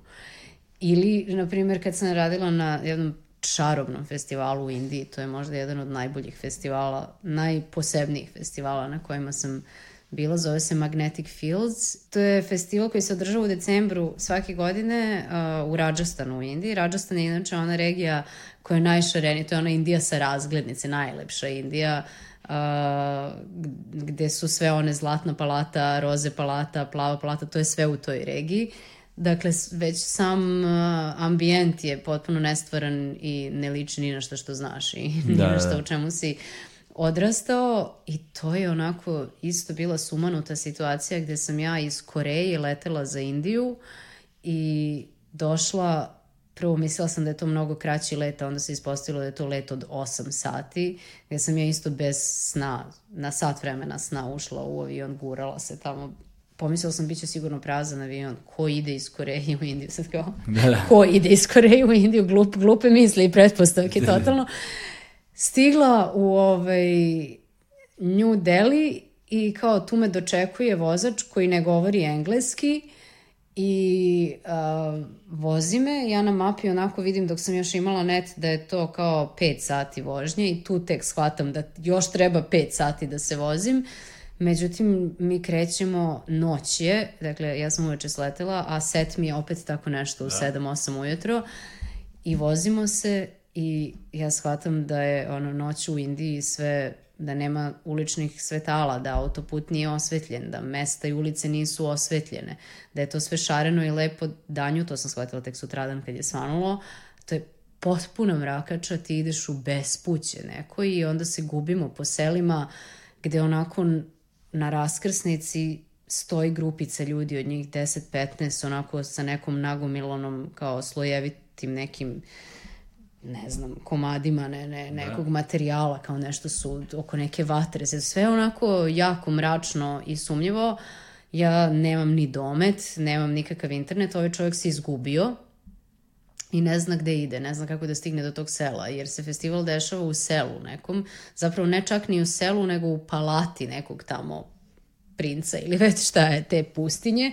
Ovaj, I mi se tako gubimo i gubimo, završavamo na napuštenim iskopinama nekog rudnika, gde pokušavamo sa nekakvim kamionđijama da komuniciramo, da ih pitamo gde treba da idemo, kamionđija mi upire baterijsku lampu u lice, vidi mene, ja sedim u nekoj mini suknji na zadnjem sedištu, znači situacija je krajnje bizarna, ja sam onako uplašena i sve vesti iz Indije o ženama, silovanjima i tako dalje, mi se ovako odmotavaju kao kroz glavu. Na kraju smo nekako našli put do, do, do te palate i do tog seoceta.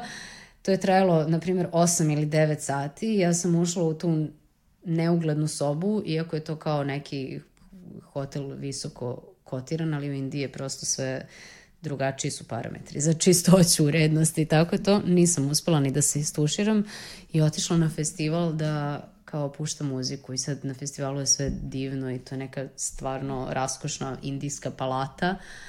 I počela sam da puštam dok je bio mrak i onda je samo svanulo. I ja sam opet videla ispred sebe induse, ja sam kao u bollywoodskom filmu, sad odjedno svi izgledaju... Drugačije, da. svi izgledaju drugačije. Nikada se nisam našla u situaciji da ispred mene stoji hiljadu indusa ili oko mene da stoji da. hiljadu, svi izgledaju drugačije i oni su prepuni energije, užasno su entuzijastični, jako čisto reaguju na muziku, nemaju nikakva ograničenja u smislu da ovaj žanr vole, onaj ne vole, samo da je to dobro i oni se iz, baš onako uh, vole da izražavaju tu radost svoju. Mislim, znamo da. svi već kakvi su i njihovi filmovi i sve. I ja sam tako potpuno opijena, neos, neispavana, stigla s drugog kraja Azije, izgubila se, mislila da će me mrak pojesti i sve, dočekala to svitanje u toj palati negde u Rađastanu, videla ove induse ispred sebe i pomislila, bože, kako ovaj život da mi je neko pričao da. pre 25 godina da će ovo da se desi. To nisu, tu iza ćoška s Gundulićevog venca. Da, zanimljivo je da, da moji ti wow momenti nikad nisu bili momenti gde ja sad radim pred 20.000 ljudi, što je isto bio slučaj. Uh, i gde su to neki kao mega festivali ili sad kao to radim u Paći sa mm. Solomunom ili tako nešto mega, nego su uvijek bili trenuci koji deluju nestvarno, koji su, koji su nadrealni, koji su potpuno onako eto kao, kao ta žurka na planini ili ovo, ovo u Indiji tako onako I onda se... sumanuto, mislim, zapitaš se kako, kako me je život tako I onda kao poetski, doveo. i onda kao, nije te samo život doveo, dovela si ti samu sebe i onda poetski nekako da zaokružimo celu priču i da završimo možda razgovor, vratimo se svemu tome, ono što je meni možda intimno najsnažniji deo ovog razgovora, a, trenutku kada je tvoj čale uzeo kredit za Technics gramofone, razumeš, i onda kad ti počela to da isplaćuješ, rekao, ne, ne, ne moraš ti, samo ti radi to svoje i ovaj, možda ima neke veće istine u svemu tome koju ja sad ne mogu da uhvatim, znaš, ali ima neke poetske pravde. Definitivno da, eto, nakon svih priča, nakon svih uh, okolnosti, nakon sve silne borbe, nakon silnih godina na kraju krajeva rada, ono, ti si živi primer ovaj, da čak iz jedne sredine kao što je Srbija, jedna takav karijera može da se napravi ukoliko si, vrate, na kraju dana dovoljno uporan. ne sme da se never give up, da, ostaje, never give up. onih 1900 poslatih mailova na koje je dva odgovorena, to je ono što moja profesorka nazivala junećom opornošću.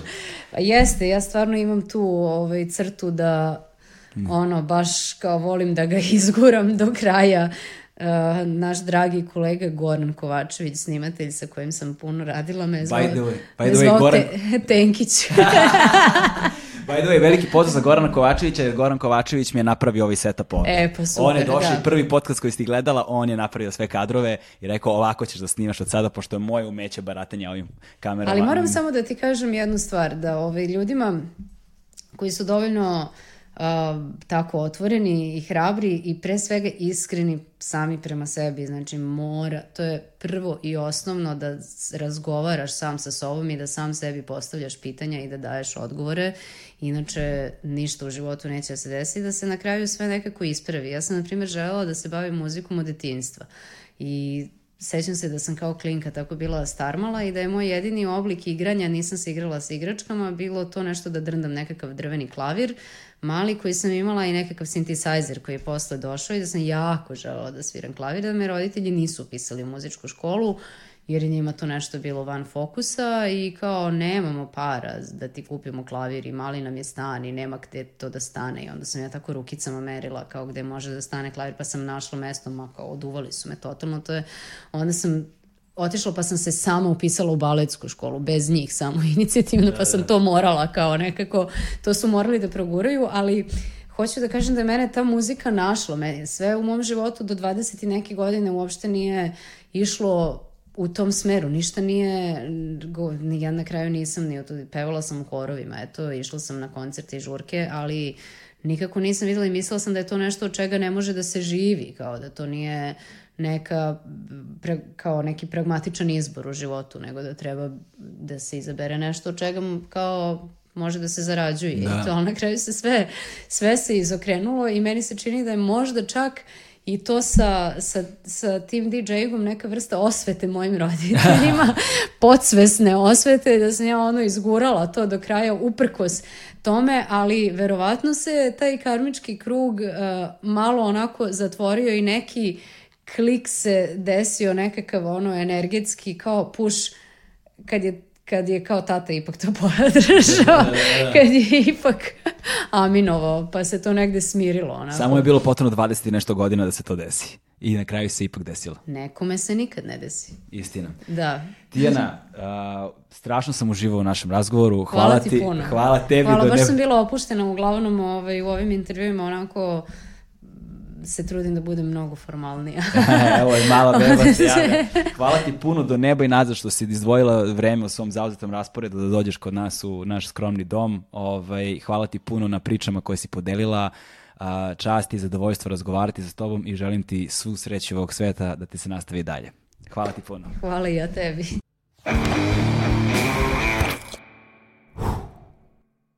Hmm.